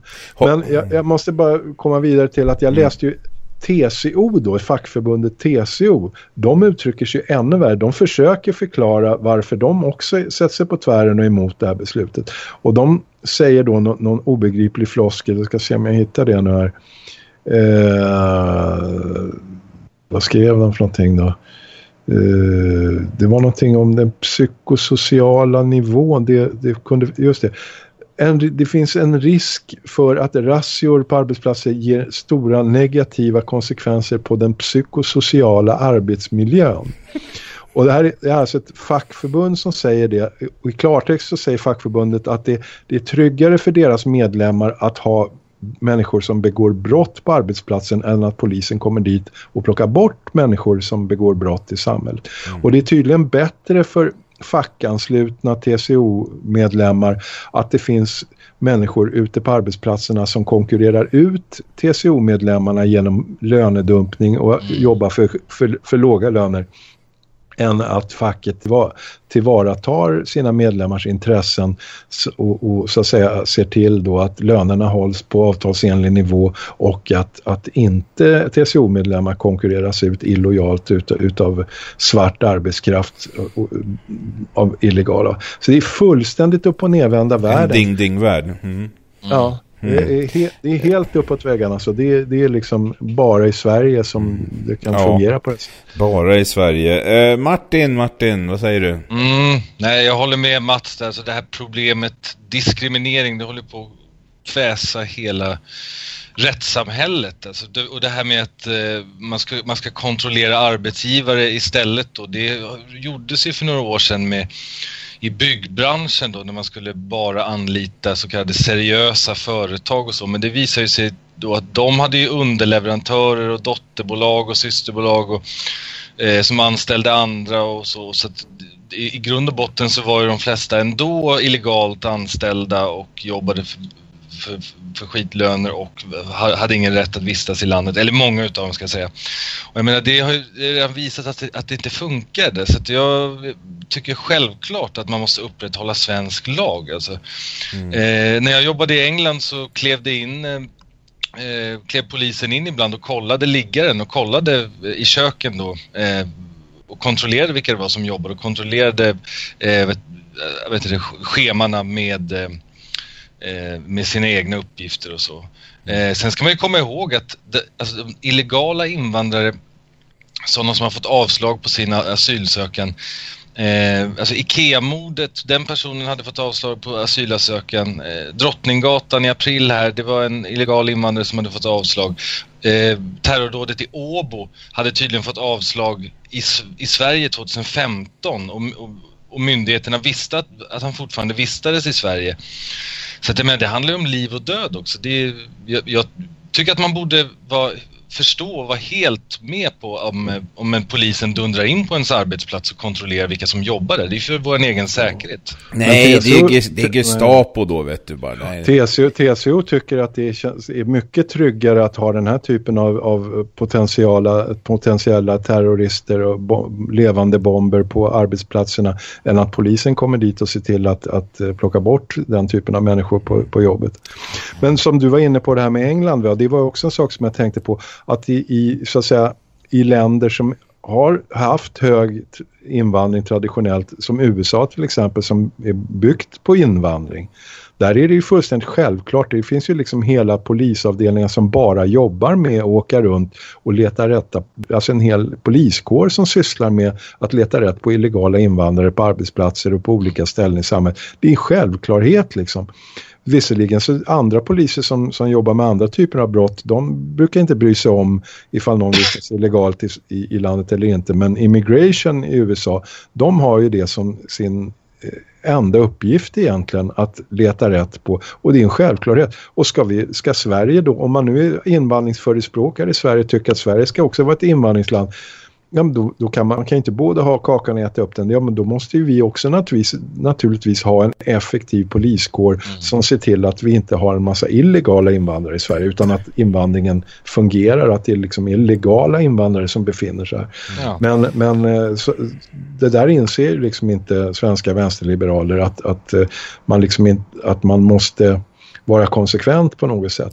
Nej, vad inser tror, de jag, egentligen? Ja, ta avslutande här du Colin. Ja, men jag tror att det, det, finns ändå två olika grupper i alla fall. Ena gruppen är ju de som vill ha eh, alltså lönedumpning. De människor som utnyttjar arbetskraften. De andra är ju som sagt nyttiga idioter. Det är de här vänsterliberalisterna och kommunisterna och unga människorna och feministerna som står på Medborgarplatsen och ska protestera och så vidare. Så att man, det, det, de på något sätt så samman Alltså de, de har en sån typ av konstig, bizarr... De står för två olika saker men samtidigt så vill de ändå ha samma sak. Att den ena gruppen säger så här, men nu kan vi anställa då en massa byggarbetare och dumpa priserna. Och de andra gruppen, de, de säger att vi gör för humanistiska skäl. Och det är bara nyttiga idioter. Mm. Som de alltid har varit. Ja, men eh, då sätter vi punkt där och så går vi vidare till nästa. Och nu verkar det som om fröken Batra har tröttnat på kritiken då. Och hon meddelade ju att hon avgår som partiledare för Moderaterna. Hon säger att förutsättningarna för henne att sitta kvar inte längre finns. Och det kommer bli en extra stämma då för att välja en ny partiledare. Och Dagens Nyheter har listat eh, flera toppmoderater som kan tänkas ta över efter Batra. Eh, två av förslagen är eh, före detta då statsministern Carl Bildt och sen är det Hanif Bali som ofta säger vad han tycker och tänker då även om det är kontroversiellt i dagens Sverige att göra det. Eh, hur tror ni att det skulle bli med någon av de här två som partiledare och hur stor påverkan tror ni att partiledarbyte då har när det gäller att försöka försöka boosta väljarsiffrorna och här får Mats börja. Jag tror att ett partiledarbyte har ganska stor betydelse om, om man hittar rätt person till partiledarposten. Men eh, jag tror att Moderaterna har väldigt svårt att hitta rätt person till, till eh, att efterträda eh, Anna Kinberg Batra här för att eh, de som väntar i kulisserna och som förefaller vara liksom tro, troliga kandidater eh, har liksom inte vad som krävs anser jag. Den, den eh, främsta kandidaten är ju Ulf Kristersson.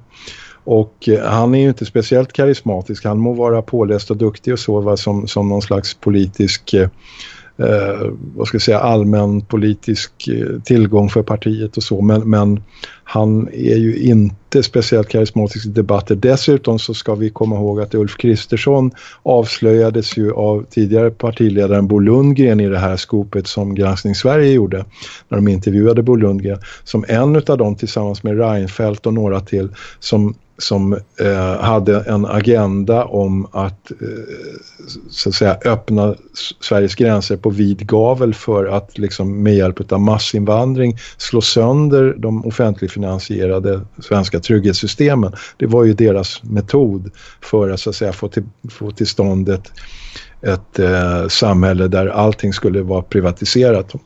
Så att eh, om, om Ulf Kristersson blir partiledare så kommer kommer partiet förmodligen inte att få tillbaks några sverigedemokratiska väljare som, de ju, som har flytt från, från partiet.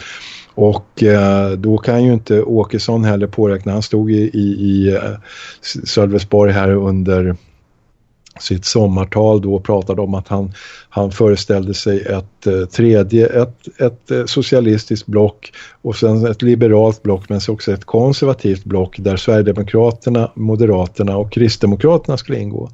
Men alltså Moderaterna har ju inte varit ett konservativt parti de, på de senaste 50 åren så att jag, jag, förstår liksom inte riktigt vad han pratar om och skulle en, en, person som Ulf Kristersson bli partiledare då är det verkligen inte ett, ett eh, konservativt parti ja, utan vad, ett vad nyliberalt. Tror, vad tror du samarbete skulle kunna bli då om det är just Hanif Bali då till exempel som faktiskt ja, alltså, sticker Hanif, ut näsan Hanif, i debatten? Hanif Bali tyckte jag var en ganska tråkig figur förr i tiden men han har ju vuxit något enormt på senare tid och blivit en, en, en en klart lysande kraft i, i, inom borgerligheten som, som eh, eh, han är ju karismatisk, han säger vad han tycker och tänker men han är ju som sagt var kontroversiell inom partiet. Han kommer absolut inte att bli vald till partiledare.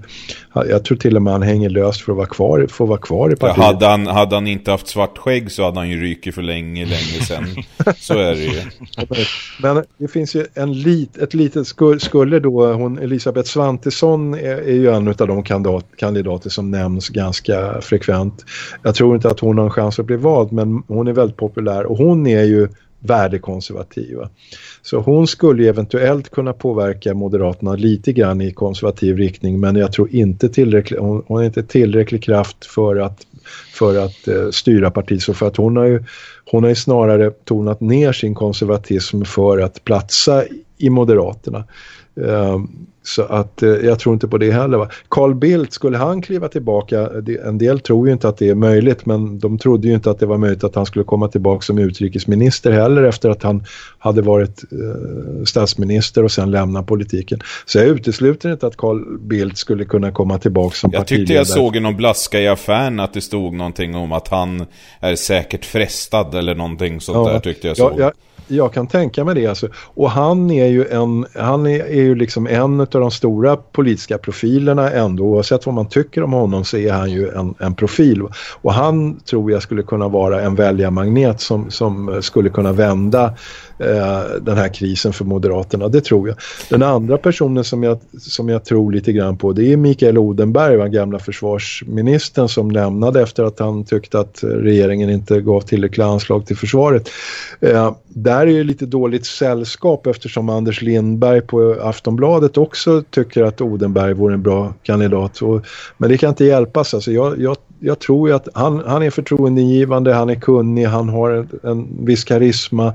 Han, eh, är, han har högt förtroende i försvarsfrågor. Eh, med Odenbergs tror jag också att det skulle kunna finnas en liten chans för, för Moderaterna att vända den här nedåtgående spiralen. Men eh, det blir med största sannolikhet så blir det Kristersson och då är loppet kört eh, inför det här valet mm. för det partiet, det anser jag. Alternativt så borde man kunna tänka sig att gå ut och leta efter någon karismatisk person inom näringslivet. Va? Sossarna gick ju utanför partiet och letade inom facket när de tog in Löfven. Ja, man, det ser ju hur bra det gick. Men... Jo, man, man ja. kan säga om det är misslyckat eller lyckat. Men, men det var ju efter att, att man hade liksom eh, krisat med, med först eh, Juholt och sen eh, Mona Sahlin.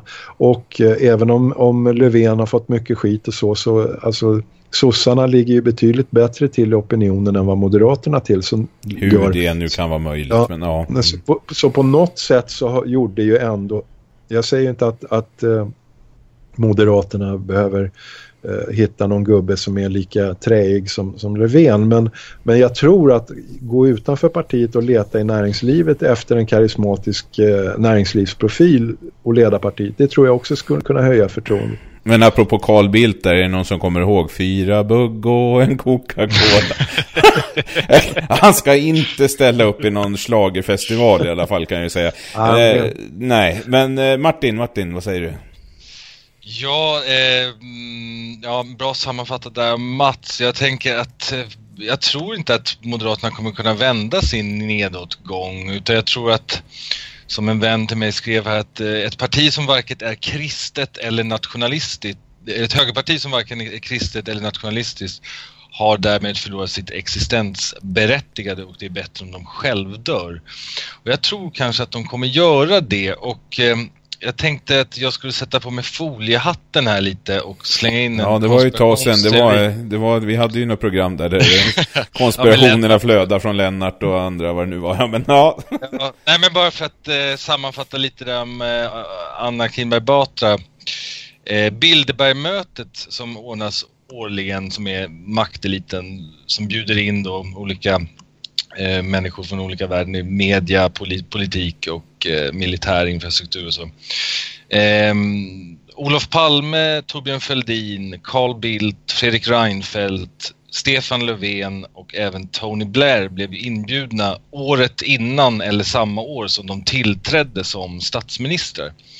Och 2017, alltså det här året, den enda eh, svensk politik som har blivit inbjuden är Annie Lööf. Va, menar du att Mats inte blev inbjuden? Vad, vad är det här? jag vill inte komma sig. Inkognito. Du vet ja. vad jag är på väg någonstans. Jag tror att de kanske vet om det här om Moderaterna. Det kommer inte gå att göra en allians med dem. Eh, Annie Lööf tog idag tillbaka sin eh, missförtroende, det här att de skulle göra en missförtroendeförklaring eh, mot Peter Hultqvist tror jag. Eh, och att jag tror att de redan börjar nu att försöka skapa en annan allians för att de ser hur starkt SD eh, går framåt. Och, eh, Ja. För, för, för att avbryta det, det där är helt missat. De, alliansen var ju ensam att gå vidare med misstroendevotum mot Hultqvist. Har de ändrat sig nu igen alltså? Ja, jag läste, jag läste också något om att... Bara några, timmar innan det här programmet läste jag. Jag, jag, har faktiskt inte läst hela artikeln. Yes, utan det är ett, ett, ett oerhört fnattande fram och tillbaka. Mm. För först skulle de ju misstroendeför, misstroendeförklara. Sen efter att Löfven hade hållit sin presskonferens och, och avsatt två ministrar, men inte den tredje, då höll de ju på att vela, ska vi eller ska vi inte? Nej, vi ska nog inte. Och sen så bestämde de sig för att de skulle ändå gå vidare. Det var väl bara några dagar sedan de deklarerade det. Alla... Och nu har, man, nu har alltså några bestämt sig för att de inte ska Ja. Mats, och, och, och, och medan jag, medan jag foliehatten på mig så menar jag ju då att det här börjar ju flutten då med vänsterblocket och att vi får, vi ska ha en kvinna som statsminister och att det är hon som kommer ta över en ny form av allians. Har du inte lärt dig det än Mats, att alla sjuklöver, de har en varsin jojo som de sitter med, upp och ner, upp och ner, fram och tillbaks. Karl, ja, Karl vad säger du? Nej men det är faktiskt fascinerande det som, det som Martin säger. Jag har tänkt på det innan också att de bjuder in uh, de framtida ledarna samma år som vi valde. Det var Reinfeldt och sådär. Och nu har de väl valt ut uh, Annie Lööf för att bli den framtida ledaren. Eller om de ser att det kommer bli ledare eller att de själva bestämmer att de nu kommer bli. Så visst jag får sätta på mig foliehatten nu också va. Men, men det är, det är lite konstigt mönster tycker jag. Så att Förstör inte frisyren nu Karl. Nej det gör jag aldrig. men, uh, den här globalisten Carl Bildt, alltså det, det skulle bli att få eh, Reinfeldt 2.0. Alltså det kommer göra saker och ting värre i Sverige. Sen med Kinberg Batra, hon öppnar åtminstone dörren för Sverigedemokraterna. Sen vilken ledare som nu kommer, kommer att avgöra framtiden för Sverige. Och anledningen till att Kimmy Batra var öppen för samarbete med, med SD. Nu kommer det helt annorlunda. Hon gläntade på dörren för att sen stänga hon, den igen. Ja, ja, vi kan kalla det för gläntare. Men, men åtminstone så öppnar hon psykologiskt för den svenska människorna att tänka sig att det kan bli någonting som till exempel Moderaterna, Sverigedemokraterna och Kristdemokraterna. Så vi hamnar kanske i samma situation i fyra år till utan att samarbeta med SD beroende på vilken ledare vi får. Om vi får en ny ledare för Moderaterna som stänger dörren för något samarbete så kan det bli mer, precis som Mats sa, en nedgående spiral för Sverige. Ja, men det där vi var inne på innan då, som att Åkesson tog upp det här med blocket, att det skulle bli ett sånt här block. Alltså, nej, nej, nej. nej. Jag lever fortfarande här i min, eh, liksom, det enda alternativet är att folk måste fatta, folk måste rösta på SD och SD måste få en extremt betydande makt, punkt slut. Det, alltså, det, det har gått för långt för att kompromissa alldeles för mycket. Det, det är liksom... Eh, tiden, eh, time is short och eh, våran tid springer ju också iväg här ser jag. Så att jag fortsätter det här med Moderaterna och tar upp det här med... Alltså, så här, tiderna som vi vet, det, de förändras ju minst sagt och alltså det blir ju ett mer våldsamt samhälle än vi eh, här i Sverige någonsin kunde föreställa oss i de värsta mardrömmarna. Efter de här två dödsskjutningarna som var vid Karolinska sjukhuset i Stockholm så vill Moderaterna införa en särskild straffskärpningsgrund. Det ska gälla vid skadegörelse och hot vid sjukhus och hälsocentraler och eh, Skånemoderaterna Karl eh, Sonnesson och Stefan Lamme vill hängna in och bevaka sjukhusområden för att skydda vårdpersonal och patienter från personer som hotar. Och de tar upp att eh, Alltså det, det stor, stora antalet skottskadade personer då som vårdas på skånska akutmottagningar och att det ofta handlar om personer med kopplingar till kriminella gäng som för med sig citat oroligheter till sjukhusen och leder till att personal känner sig otrygg. Eh, men så de vill alltså se inhägnade sjukhusområden, i alla fall nattetid ska det vara helt, de ska vara helt stängda nattetid. Men eh, alltså det här återigen då, det, det är lustigt det här med kriminologer och komiker som jag var inne på det där att det, samhället har ju aldrig varit så våldsamt, eller jag är ju inte alls så våldsamt, det har ju aldrig varit tryggare, men ja, det ser vi ju här att det stämmer ju inte alls. Men det låter ju inte direkt som verkligheten håller med om och vi inte heller då. Så vad säger ni om inhägnade sjukhus som är stängda nattetid och Martin är först? Ja, alltså kan man komma närmare uttrycket systemkollaps. Alltså vad har hänt med vårt Sverige? Det här är ju precis som du säger eh, det här är ju eh, klaner, alltså gäng, gängkriminaliteter och deras klaner som eh, ger sig på akuten när det ligger folk där inne för att eh, eh, och de hotar och ska ta sig in och de ska komma före och, och, så. Jag har själv varit med om det, även det i England och så. Och, och det, angående det här med systemkollaps då. Alltså det är ju på det här sättet det kommer att ske, alltså att våran, fri, våran trygghet och frihet tas ifrån oss sakta men säkert. Och jag tänkte på det, det finns någonting som heter Maslows behovstrappa. Som, eh, det är fem steg då som visar upp de behoven som man har som människa. Det börjar med basbehovet som är mat och dryck och sömn, trygghet, gemenskap, självkänsla och det slutar med, med, med självförverkligande. Eh, och vi i vårt civiliserade samhälle, vi ligger väldigt högt på den här trappan. Alltså vi ligger där uppe och, och, och när, när, andra då politiker och, och, komiker och andra pratar om att liksom, Netflix är fortfarande kvar eller det finns rödtjut att köpa på bolaget och vi, det, liksom, det, det, alla ska, ingen behöver vara rädd, det är bara att vara lugna. Men där den systemkollapsen, både den fysiska och den mentala i oss svenskar och i våran folksjäl kommer att slå, det är mot eh, våra, våran trygghet, alltså ett av våra basbehov och någonting som vi har byggt upp på väldigt länge. Och det här är hemskt eh, och det, det, det här är ett av be bevisen på att det händer. Och, och det, det, här med att, att liksom inhägna ett sjukhus, det är ju bara en symptombehandling, en symptomåtgärd mot och att, och att inte tackla det riktiga problemet, vilket är att det, det mångkulturella samhället. Mm. Ja men alltså, tänk er kära lyssnare, tänk er, vad har sjukhus alltid symbol symboliserat? Trygghet, hjälp. Mm. Någonstans mm. där man sitter i lugn, man går dit för att man ska få hjälp. Det är där man ska helas så att säga. Men nu för tiden är det snarare ett ställe som alla andra i det här samhället där du snarare, du kan lika gärna få en kula i skallen när du sitter där rent ut sagt. Alltså, Karl, vad säger du om det här? Men jag tycker faktiskt att det är väldigt intressant det som eh, Martin sa där. Det, vi, vi, har ju då den här säkerheten i landet som man tror är en säkerhet. Men verkligheten är att det blir våldsammare på andra sätt och vis. Alltså, om du tänker tillbaka som du sa när vi var unga. Hur ofta gick människor runt med automatvapen eller kastade granater på varandra?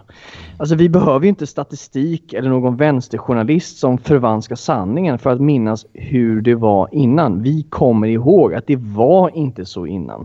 Men det här med sjukhusen i sig själv, alltså det, det är som sagt det är en klanmentalitet bland invandrargrupperna. Alltså någon ger en förolämpning så skjuter någon personen, sen åker alla till sjukhuset och kommer rivalgruppen för att tjafsa. Eh, tyvärr, idag i Sverige behöver vi inom en snar framtid en gated community. Vi har ju pratat om det innan. Att vi behöver en gated community som har i USA. Men varför ska sjukhus i Sverige behöver utsättas för invandrarnas hederskultur. Eh, Nej, vi men... behöver ingen gated community. Vi behöver inte något gated sjukhus. Vi behöver en bättre politik och vi behöver skicka ut dem som ställer till så här, punkt slut. Ja men, ja, men det är precis som Martin pratar, vi pratar om en symptom och vi måste ju faktiskt kunna hantera symptomen för jag tror vi kommer inte kunna lösa den grundläggande problemet i och med att det är så, så djupt inrotat den här politiska korrektheten och kommunismen och alltså vi kommer inte kunna lösa det. Så att att skapa inhängda sjukhus, det är, en, det är ett problem, alltså det är ett symptom och det behövs ju tydligen. Det gäller bara lösa, alltså anti, lösa eller att allt blir krossat, så enkelt är det. Och ser man inte det när det är så här, då är man ju banne mig bakom flöte måste jag säga. Vad säger du Mats?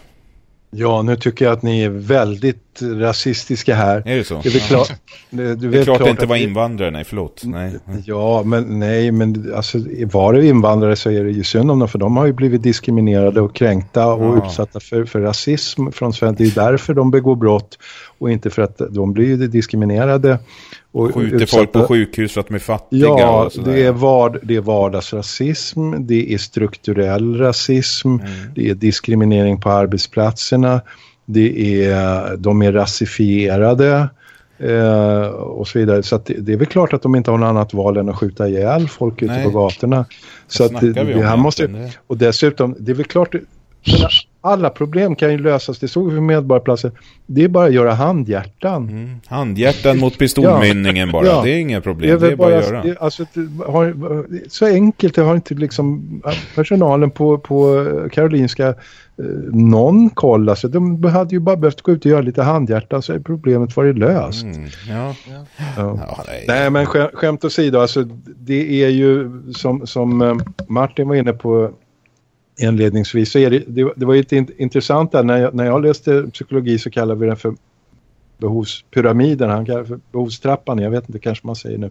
Eh, men det, hur, hur som helst är det intressant just det där om, om att eh, det här invandringspolitiken och den nya kriminaliteten och det nya Sverige, alltså det, det, slår, in, det slår inte mot det som den svenska, vad ska vi säga, övre medelklassen och kultureliten och så det de sysslar med, det slår inte mot Netflix, det slår inte mot självförverkligande utan det slår mot ett grundbehov som, som uh, ligger längre ner, va? som tryggheten i samhället. Det är ganska intressant att, att, fundera på det, liksom att, att behoven är, eh, är skiktade på det sättet. Det gör man inte så ofta och det förekommer inte i den, den politiska debatten överhuvudtaget vad jag vet.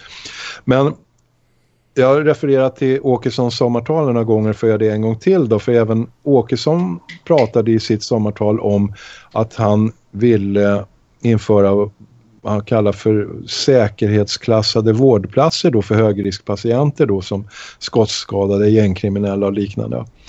Och eh, det är möjligt att det här eh, är, är akuta åtgärder som man måste införa just nu och, och på kort sikt. Då. Men i grunden, precis som Martin var inne på, så ska ju naturligtvis inte Sverige vara ett land där sjukhus måste hängnas in, där vårdpersonalen måste träna sig självförsvar och ge skyddsutrustning då mot våld eller, eller ha säk särskilda säkerhetsavdelningar då för gängkriminella och så vidare. Det här är ett politiskt systemfel eh, om samhället ser ut på ett sätt så att det blir nödvändigt att införa den här typen av åtgärder. Och just det här med hängna in blir nästan lite tragikomiskt. Ja, om vi inte kan skydda, hängna in Sverige, om vi inte kan ha ett skalskydd för Sverige, hängna in gränserna, då ska vi hängna in sjukhusen istället. Då ska vi hängna in bostadsområden, då, gated community som någon nämnde här tidigare. Det är helt bisarrt. Alltså det finns ju det här, eh, det är bättre att stämma i bäcken än i ån. Va? Det är väl klart att de här problemen ska inte in i Sverige överhuvudtaget. Är det någonting som ska hängnas in, som ska skyddas mot det här så är det hela Sverige, hela Sveriges öppna samhälle. Vi kan inte hålla på och liksom bygga skyddsmurar och ställa ut. Till slut så har vi liksom en, en polis eller en väktare eller en, kanske till och med en militär i varenda gathörn då för att mm. stävja, för att hålla, upprätthålla säkerheten så som det har varit i vissa länder i, i lågfungerande länder. Löfven och kompani är väl inte nöjda förrän det har gått så långt. Nej, det alltså det, det, det är bisarra lösningar som föreslås nu där man så att säga missar målet och där man inte pratar om elefanten i rummet. För som alla vet så är det liksom inte Anderssonskans Kalle och Dante och Tvärsans med och busa på akutmottagningarna utan det här är grovt kriminella invandrare och deras antisociala vänner och anhöriga i, mm. i en klankultur som är helt och hållet invandringsrelaterade. Mm. Och, och, helt och hållet en konsekvens, av, konsekvens då utav misslyckad ansvarslös invandringspolitik som har skapat de här utanförskapsområdena där den här kriminaliteten har fått fäst. Ja, men, du, men... Alltså, men jag tycker först att lustigt nog kan man faktiskt jämföra det här med just sjukvården. Man säger ungefär som en läkare som ger dig ett piller för att hantera symptomen men inte ger ett botemedel. Så vi pratar inte om botemedel, vi bara försöker hantera symptomen istället. Men alltså det, kära lyssnare, tänk egentligen vilket respektlöst samhälle det har blivit när man inte längre respekterar sjukhusen och för att inte tala om hur det är på kyrkogårdar. Som sagt, det har ju kommit nyheter om det här med att, eh, att eh, vaktmästarna måste ha överfallslarm och så vidare i Malmö på kyrkogårdarna. Det finns ingen respekt kvar i det här samhället och det är ju fruktansvärt. Eh, men jag går vidare till nästa ämne här och eh, med det så säger jag verkligen, jag säger då det. Eh, för då på SFI eller Svenska för invandrare i Kalmar har grupperna som vänder sig till mycket studieovana elever och analfabeter fördubblats de senaste åren. Man har följt omkring 50 000 elever i hela Sverige som var nybörjare på SFI 2014 fram till 2016 då analyserat deras studieresultat. Av dem utan utbildning från hemlandet klarade sig bara 9% under perioden. Omkring 20% hoppade av utbildningen under perioden eller tog studieuppehåll. Ytterligare en femtedel hade inte fått godkänt i en enda kurs på SFI, men var fortfarande registrerade på SFI efter två år. 57% hade klarat någon av kurserna med minst godkänt betyg, men den största delen av dem hade bara klarat den allra enklaste första nivån, kurs A. Vad för slutsats tänker ni er att regeringen drar av det här? Är det något som då de ens kommer besvära och göra något åt? Och vilken slutsats drar ni själva då? Och vad borde göras med de som kommer hit och misslyckas eller överhuvudtaget inte anstränger sig så fruktansvärt enormt som det här? Vad säger du Karl? Ja, alltså vi är otroligt slapphänta när det kommer till integreringen i Sverige. Alltså man, man pratar om integration utan att ens våga säga att man måste integrera sig på en del av samhället. Jag förstår inte hur politikerna tänker, om de ens gör det. Alltså hur tror de att segregeringen kommer att minska om vi inte ställer krav på någonting så grundläggande som språk? Alltså för mig så är det ju obegripligt. När jag var på olika skolor utomlands så fick man lära sig språket obligatoriskt. Dessa människor behöver inte ens lära sig svenska. Alltså det, det ska ju vara ett grundläggande krav baserat på sunt förnuft att om du ens bryr dig om att lära dig svenska Alltså om du inte bryr dig, så att säga, om du bryr dig eller du inte bryr dig, vad gör du i det här landet? Bryr du dig om att lära dig svenska, då kanske du har en del landet. Bryr du dig inte ens om att lära dig grundläggande språket, vad gör du i det här landet? Om du inte kan språket kommer du inte kunna integrera dig. Du kommer inte kunna få ett jobb. Så man får väl lägga ett krav på att bidragen du får faktiskt är om du lär dig språket. Om vi inte haft det innan, då, de får ju, vi har haft situationer och fått betalt för att lära sig språket. Jag har aldrig varit i ett land där staten betalar dig för att lära dig språket. Så återigen, alltså någonting grundläggande. Ska du bo i Sverige så måste du lära, du måste lära dig språket, annars ska bidragen dras in. Men förstå, kära lyssnare där ute, förstå hur illa det här är. Och det här är bara 50 000 förstå hur illa det är när det, när det ser ut så här. Och det här gäller inte att de klarade inte att bli ingenjörer på två år eller de klarade inte att bli snickare eller någonting. Det handlar bara om språket. Bara om språket. Och vi pratar om två år. Mats, vad säger du? Ja, det här är ju, det visar ju då, eh, när man ser de här siffrorna så förstår man ju hur monumental den här Eh, Eh, officiella lögnen har varit under decennier då om att eh, massinvandringen behövs då för att rädda Sverige och att, att ingenjörer och, och raketforskare och, och, allt vad det nu är som kommer, va? Eh, hjärnkirurger och så vidare.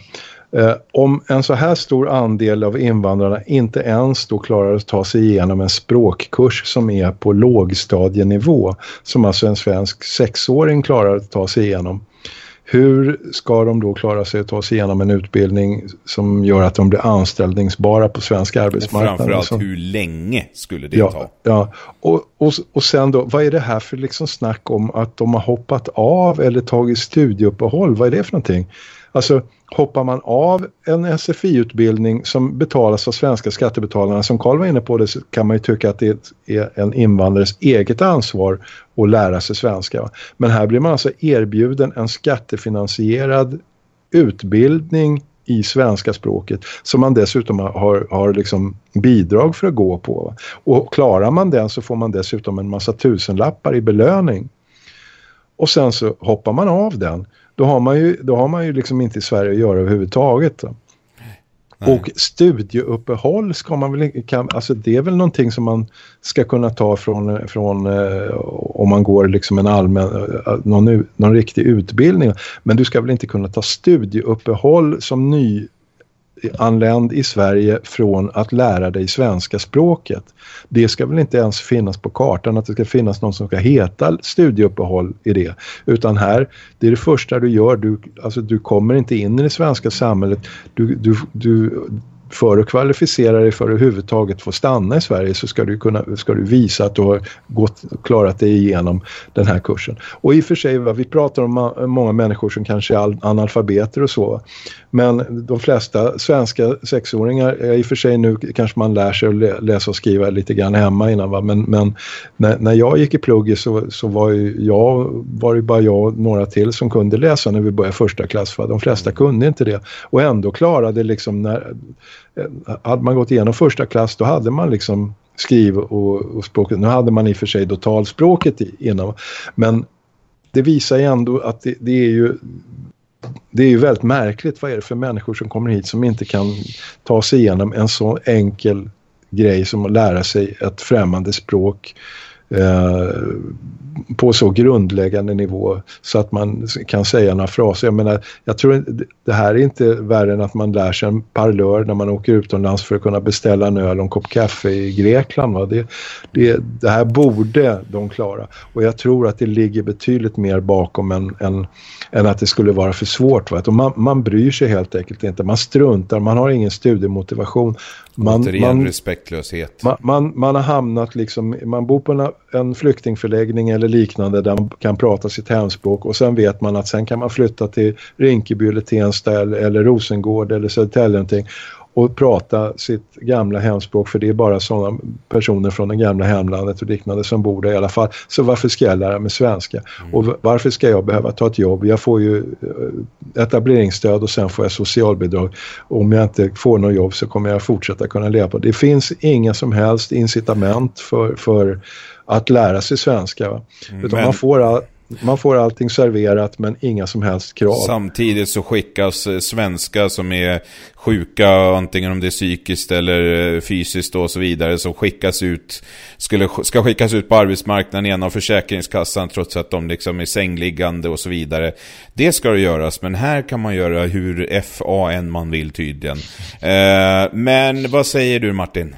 Nej, jag, jag tänker jag fortsätter att spinna på Mats där. Jag tycker att han sammanfattar det bra. För att, eh, ska man integreras eller assimileras som vi heller talar om då. Mm. Eh, jag, jag lyssnade på en väldigt intressant intervju av den här eh, killen som skrev den här boken som heter Helig vrede.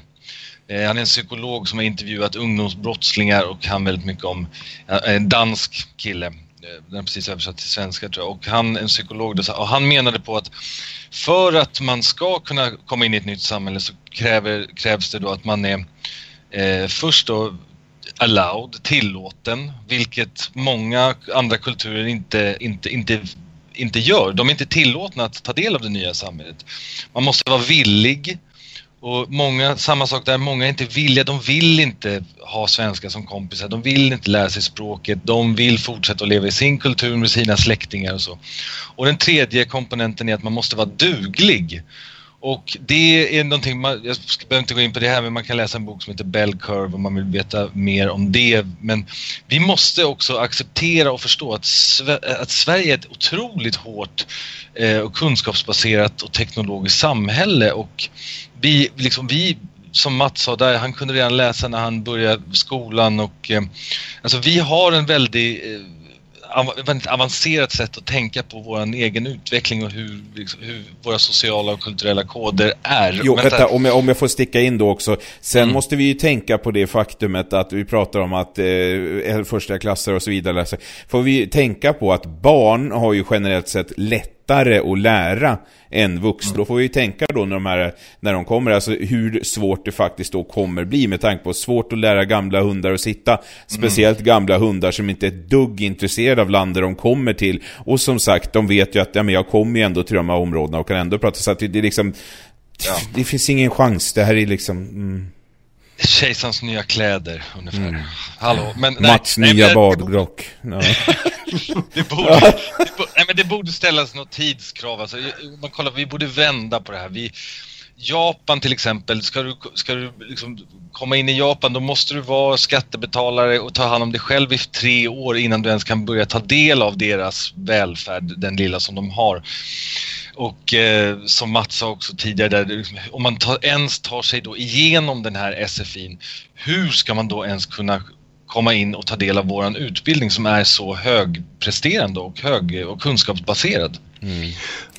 En, en aspekt som det nästan aldrig pratas om heller det är också att eh, asylrätten är inte villkorslös. Va? Läser man efter FNs flyktingkonvention så står det ganska tidigt i den att den som söker asyl i ett land ha, är förpliktad att försöka och anpassa sig till det sam mottagarlandets samhälle och göra vad man kan för att bli liksom en nyttig samhällsmedborgare. Och gör man inte det så har man alltså inte eh, fullgjort sin del utav, av det avtal som asylrätten innebär. Och det innebär att i princip så skulle Sverige kunna utvisa alla som inte tar sig igenom SFI. För redan där skulle man kunna säga att, att eh, nej du har inte uppfyllt din del av avtalet. Sverige har, har öppnat gränserna, vi har, vi har gett dig ekonomiska bidrag, vi har gett dig eh, gratis tillgång till utbildning här i svenska språket. Bostad. Du har, du har, fått bostad, du har fått fri tillgång till, till all vår offentligt finansierade välfärd i form av vård, omsorg och, och, och eh, barnomsorg och allt vad det nu kan vara för någonting. Eh, men du har alltså inte fullgjort din del av avtalet för att försöka passa in i Sverige. Du har inte ens ansträngt dig för att lära dig tala svenska. Så att nu tyvärr så, så, så har du... Visar liksom... du ingen respekt för oss visar vi ingen respekt för dig. Så enkelt. Ja men det, det, det är bara nej, alltså, respekt. Det, det, man har inte fullgjort, fullgjort avtalet. Det är precis som att eh, om jag får en anställning på en arbetsplats men inte kommer till jobbet eller inte gör det jag ska göra på jobbet, då får jag sparken. Mm. Det, är, det är inte svårare än så. Kommer man till Sverige, söker asyl här och inte gör sin del som står tydligt och klart angivet i flykting, FNs flyktingkonvention. Jag tror det är typ fjärde paragrafen eller något liknande. Eh, då, då, har man ju förverkat den rätten. Det står ju klart och tydligt i konventionen. Men det här är ju någonting som, som svenska myndigheter och politiker fullständigt struntar i. För dem ser det bara ensidigt. Som asylinvandrare så har du bara rättigheter, inga skyldigheter, inga krav. Ja, men jag, jag vill bara säga att man, ja, man mm. politikerna och alla vänstermed, de, de, de älskar med mångkulturen och då tittar vi på USA då som sagt är uppbyggt av invandrare. Och de har ju medborgartest till exempel, du ska kunna språket och du ska även kunna historia om landet. Tänk om du skulle sätta ett sånt prov på vartenda människa som kommer som asylsökare. Du ska kunna språket plus kunna veta till exempel om Karl XII. Du ska kunna veta vilka som har varit eh, statsminister i Sverige. Varför gör man inte det här? Men, eh, ja, kort då Mats. Ja. Nej, jag tänkte bara att det är kanske inte är så konstigt om man inte får, blir, blir så att säga, utvisad ur Sverige för man inte klarar SFI med tanke på att man inte ens blir utvisad om man är livstidskriminell och begått grova brott, mord och våldtäkter och allt möjligt så finns det ändå de som får stanna i Sverige. Så att, eh, ja. ja man, Men jag tänkte ska... mm. avsluta här med en, en kort grej som jag bara, alltså ni ska få skicka ett litet budskap, ett litet eh, muntligt brev så att säga till SVT vad ni tycker. Alltså bara säg någonting, alltså säg kort vad ni tycker om det här för jag reagerar verkligen på det här efter de här terrorattackerna i Finland och Spanien. SVT, de valde ju minst sagt väldigt, väldigt, väldigt underliga texter till sina nyhetsinslag. Politiskt inkorrekt på Facebook, de la upp eh, printscreens då från Rapports nyhetssändning. Och på den första, då står det knivattack i Åbo, oro för rasism. Och på den andra står det Spanien, oro för främlingsfientliga. Vad skulle ni, om ni får en i tur och ordning här, säga någonting till SVT då om att de, de har sådana här texter när det handlar om det här. Vad säger du till SVT då Mats? Ja, jag vet inte riktigt vad man ska säga om man ska säga någonting kortfattat men, men det här är ju typiskt för, för eh, hur SVT säger. Jag skrev en artikel igår på, eh, om det här nya förslaget om att avskaffa tv-licensen. Det ska skattefinansieras istället. Eh, SVT och Eh, Sveriges Radio de har fullständigt förbrukat sitt förtroende för att vara public service-aktörer. De är ju rena indoktrineringsinstitutioner eh, och, och propagandakanaler för, för globalism och multikulturalism och massinvandring och, och, och även för eh, i, i, islam i stor utsträckning. Och, men man vänder på det här så är det ju inte så att om några högerextremister hade begått eh, eh, något liknande brott, va? då är det ju inte så att de är oroliga för att folk som röstar höger då ska bli utsatta för, för någon form av hat eller hets eller hot och så. Men är det, är det islamister eller, eller, liknande som har begått något brott, då ska man vara oro, orolig för att det liksom skapar negativa attityder. För som vi alla vet så är ju, och kan se är ju i den muslimska världen där allting är så fredligt så är ju 999 1999 av 100 000 muslimer eh, jättetrevliga, vänliga och, och, och, människor som har precis samma värderingar som vi svenskar, och respekterar kvinnor och tycker om judar och tycker om eh, kristna och, och, respekterar homosexuella och, och sådär. Det är ju det är, precis som du och jag. Mm. Mm-hmm. Eh, så att eh, det är klart. Nej, men jag vet inte hur man skulle lägga upp det om man skulle säga någonting till SVT och Sveriges Radio för de är bortom räddning. Va? De, de, de här bolagen måste läggas ner och, och all, alla måste anställas från grunden. För så här får man ju bara inte skriva. Va?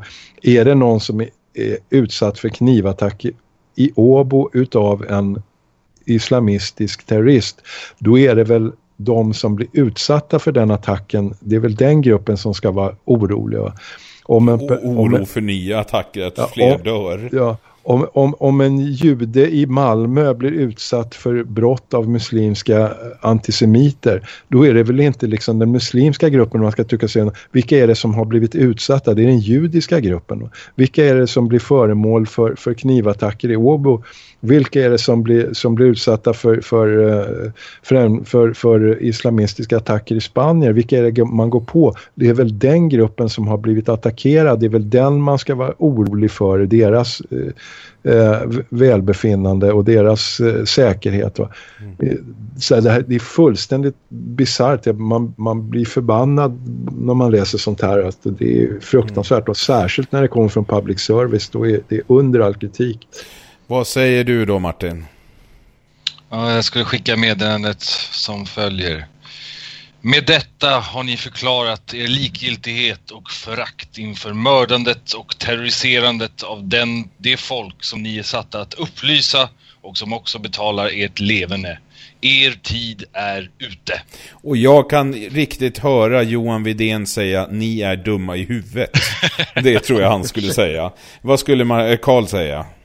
Nej men alltså jag, jag, det var fint sagt av, av Martin där faktiskt. Eh, jag har inte betalat Fick en tår i ögat säger Karl. Ja nästan. Alltså, jag, jag, har inte betalat min eh, tv-radiotjänst licensavgift på eh, nu fyra år, sa jag upp den. Så att eh, det kan faktiskt svenskar göra, många svenskar gör det, det kan göra. Jag hade en, en jättelustig diskussion fram och tillbaka med, med, med SVT Eh, där jag mejlade fram och tillbaka med att försöka få deras eh, logik kring varför vi ska betala det här och det slutade helt enkelt med att de kunde inte förklara längre, bara citerade lagen att det är så. Och det är helt enkelt bara att du äger en TV. Det är inte så att du tittar på den, du bara äger en TV. Mm.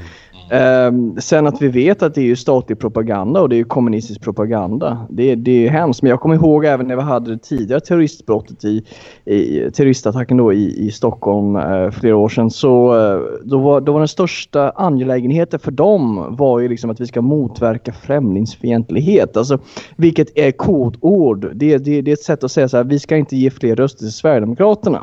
Det, det var, deras, det var det, koden som de försöker säga. Det är det enda de försöker säga. Vi ska inte låta högern få några fler röster. Så det, det är helt enkelt bara statligt propagandainstitut, alltså vänstermän och kommunister. Fyra år, kom igen nu Karl. Det var många år sedan som jag ja, kastade ut tvn och sa upp tv-licensen. Gör det ni där ute också.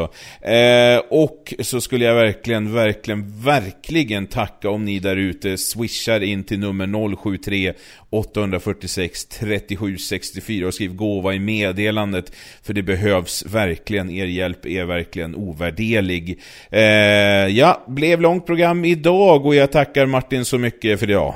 Tack så hemskt mycket allihopa.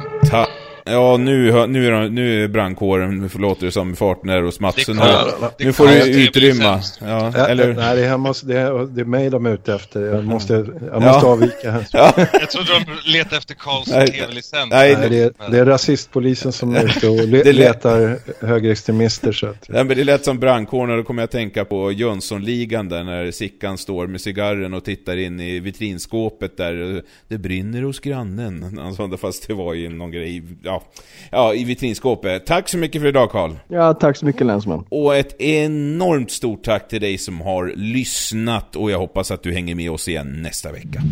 Vill du komma med frågor och feedback eller medverka i denna podd? Skriv då in denna adress utan några mellanslag. Radio Realism gmail.com